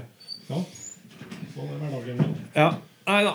Uh, vet ikke om vi skal si så mye om, om det. Jeg tenker at um, jeg syns det er hyggelig å På en måte at vi kan uh, gjøre noe litt sånn felles sammen. Uh, og dermed så kommer det til å bli noen småreklamer for uh, Backcountry MC. Jeg, eh, jeg skal ta bruke litt tid på det. Eh, det kommer i de derre de der utgivelsene som er til Gud og hvermanns. Og så har jeg lyst til de, de produktene jeg tester hos deg. De skal, de skal jeg gi min personlige review på. Det er ting som jeg egentlig ikke liker å drive med, sånne personlige reviews. Men jeg kommer til å legge det som en sånn Jeg kommer til å ha i mente at det, det her er jo Det er min mening og trenger ikke å være førende for hva andre skal mene. Altså, jeg er veldig sånn ærlig sak, da. Får jeg lov til å si noe der? Ja, ja. Jeg hater sånne som sier at de er ambassadører for sånn og sånn. Mm. Men jeg får ingenting. Jeg må betale for produktene mine, men det er bare utelukkende positive eh, Ja. ting hele tida. ja. Ja, og det er mange av de der. Og øh, jeg vil at produktene mine skal testes og brukes. Og jeg vil ha tilbakemelding, for jeg vil ikke selge noe dritt. Nei. Og det, jeg vet at du er en veldig ærlig person. Det er eneste grunnen til at jeg gidder å samarbeide med deg. For at øh, hvis det er noe, så får jeg høre det. Og du betaler for produktene dine, og så, og så, og så er det mm, øh, litt andre byttehandler vi kan gjøre og sånne ting. Men øh, jeg vil ha ærlige tilbakemeldinger Ja. på ting. Ja, helt klart. Jeg vil ikke selge noe som folk syns ikke funker noe bra. Bare kutter jeg det ut. Jeg har eksempler på det. Nei, altså, jeg har, jeg har ikke noe igjen for å sitte og ljuge på noen som helst ting sjøl. For eh, det er å brenne ting for meg sjæl, det også. Ja, det er så Eh, dumt. Altså, det, det, det, det, det, har jo ikke noe Det er jo et korthus, da, Ja. sitter i. Det står sånn eh, Jeg får ikke betalt for eh, å si noe til her. Jeg er kun ambassadør for dette produktet. Ja, Ja. Hva er funksjonen i å være ambassadør? da? Det skal jo bare spre positivitet. Får aldri en ambassadør til å si noe negativt om det. Og du er, verk, du er ingen ambassadør for produktene mine. Nei, Du er på en måte en liten ambassadør for Backcountry MC, for du liker måten jeg driver på. Og jeg liker hva du driver med. Og det er jo en kamp om å overleve i alle leirer her. Ja. jeg skulle hilse deg fra Espen Mørk. ja. Og så si at eh, han skulle ha Jeg vet ikke om du husker det, men i fjor så var han innom og henta to pakker med ventilhetter. Der kommer den, ja. Ja. Bare kom med det. Det bare kom med det. Greia er det at vi har jo RNP-treffet, som Ja. nå er, eh, står for eh, andre sesong, holdt jeg på å si. Ja. Hvor eh, Espen er eh, Har sin egen greie med å levere ut uh, ventilhetteprisen. Og jeg var da en av de heldige i, i, i fjor, da, som eh, vant ventilhetta for eh, 2022. Og så sy- syns jeg egentlig Først så var jeg litt sånn misfornøyd, for at den var oransje. ja. Men det dreit jeg i. Jeg syns det var bare gøy, for det var en sånn superbling. Den ser jo så stygg ut at det er helt jævlig. Ja. Uh, og så og, så eh, skulle jeg bytte dekk her i fjor. ja. Og så er jo det en sånn fin ventilhette. eh, sånn anodisert oransje ventilhete. eh, med Med, med verktøy for å fjerne ventilen i andre enden. Ja. Det er hele poenget med denne hetta. da. Det er litt Ja. av poenget med den hetta. Ja. Tror du den er lang nok til å skru ut ventilen? Uh, det På så vidt det er på de slangene jeg selger, ja. Men jeg har hørt noen rykter der. Men du har hørt det, du har hørt det verste? Ja, jeg, jeg kommer til det verste. Du kommer hørt det verste, ja. Fordi at eh, når jeg skulle bruke den ventilhetta at jeg skru ut ventilen min, så var ikke den delpen lang nok til å få tak i ventilen ned der, så fikk jeg ikke skrudd ut en dritt. Og så snakka jeg med Espen, og så Ja. Og jeg, jeg fjerna den der eh, O-ringen. Og da jeg skrudde på ventilhetta, da, så seig lufta ut. Man merka det ikke for dagen etter. Nei! Kjempeprodukt, vet du. Ja, Et kjempeprodukt. Så her kom Ja. den første slakten fra ende til annen. Altså, den er slakta i to ender, den ventilhetta. Oi, nå skal jeg gå og se på veggen der. uh, nå går jeg litt her. Se. Eh, nei. Et, jo. Nei. Nei. Det er sånn, da. Eh, når jeg hørte det, Ja. da tenkte jeg Er det mulig? Jeg har solgt ganske mange av dem, skjønner du. Etter at jeg fikk høre det, at den der eh, kule analyserte ventiletta med verktøy for å fjerne nåla tapper afrikatvinner, da. Ja. Vi må jo si det, da, for den har litt sånn spesiell eh, ventil. Eh, den tapper en afrikaventil over natta ved luft. Da har ikke jeg Da har ikke jeg solgt Eller nå kjøper ikke jeg mer sånn. Nei, nei. Det sånn. Det hadde jeg aldri funnet ut. Jeg. Så Espen Mørk han kan ikke få med seg sånne ventiletter, for jeg lovte å ta med noen del. Er det det du sier? Han må gjerne du, Jeg tror jeg er tom for det, ja. Nei, jeg, når jeg hørte det, da tenkte jeg herregud, ja. At det går an. Ja. Men jeg, som sagt, jeg får ikke testa alt, vet du. Så jeg er jo veldig øh, Jeg er jo øh, prisgitt ærlige tilbakemeldinger fra kunder. Ja, ja. Og så får vi heller bare Den lufta får jeg aldri kompensert allikevel, men da må vi i hvert fall bare slutte å selge dritt. Ja. Riktig, riktig. Og får de være så kult anodisert i rødt og gull som de vil, men det må vi bare slutte med. Ja. Ja da. Sånn er det. Nei, men det er bra. Ja, det er bra. Det er bra. Du, det, er, eh, det er alltid hyggelig å være her, og tida går, den går så sinnssykt fort når vi først begynner. Ja. Kan jeg bare si én ting eh, til om det der eventuelle forsøket på noe kursevent? Ja. Det er det at eh, 2023 blir på en måte testsesongen. Jeg veit ikke helt hvor mange og sånne ting greier, men hvis det er Det som er veldig fint, at hvis det er en kompisgjeng, som, da kjenner de hverandre og er litt ærlige med nivåer og sånne ting. Hvis det er f.eks. en gjeng som kunne tenkt seg noe opplegg, så ta kontakt med meg. For det er ikke sikkert at jeg vil eh, annonsere så veldig fælt nå i 2023. Kanskje noen, men jeg må få teste ut opplegget litt.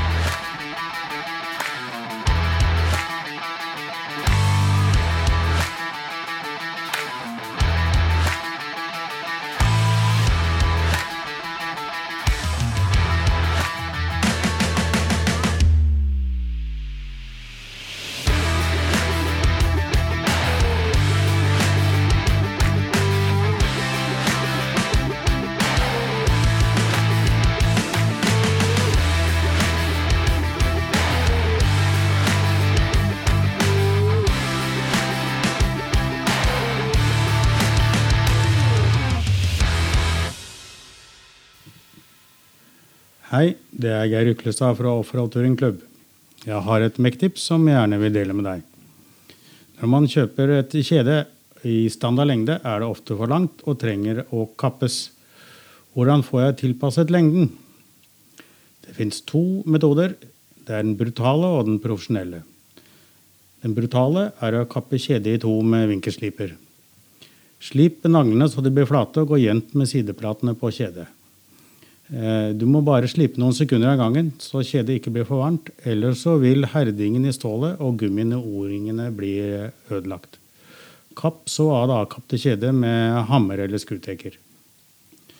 Husk at ved montering av kjedelås med fjærklips skal åpningen av kjedelåsen stå motsatt av rulleretningen på kjedet. Den profesjonelle metoden er å bruke spesialverktøy. Da klemmer du kjeder fra hverandre med en eh, pinnemekanisme og en eh, solid klammer. Det gjør at du ikke får noe varmepåvirkning av kjedet, og eh, egentlig et kjede som holder lenger. Ta litt fett på kjedelåsen før du trer den på kjedet, og husk å tre på O-ringene. Ta gjerne litt teip rundt, så det holder seg på plass mens du monterer. På www.otc-mc.org så kan du lese mer om hvordan du gjør det, og bilder med hvordan du bruker verktøyet.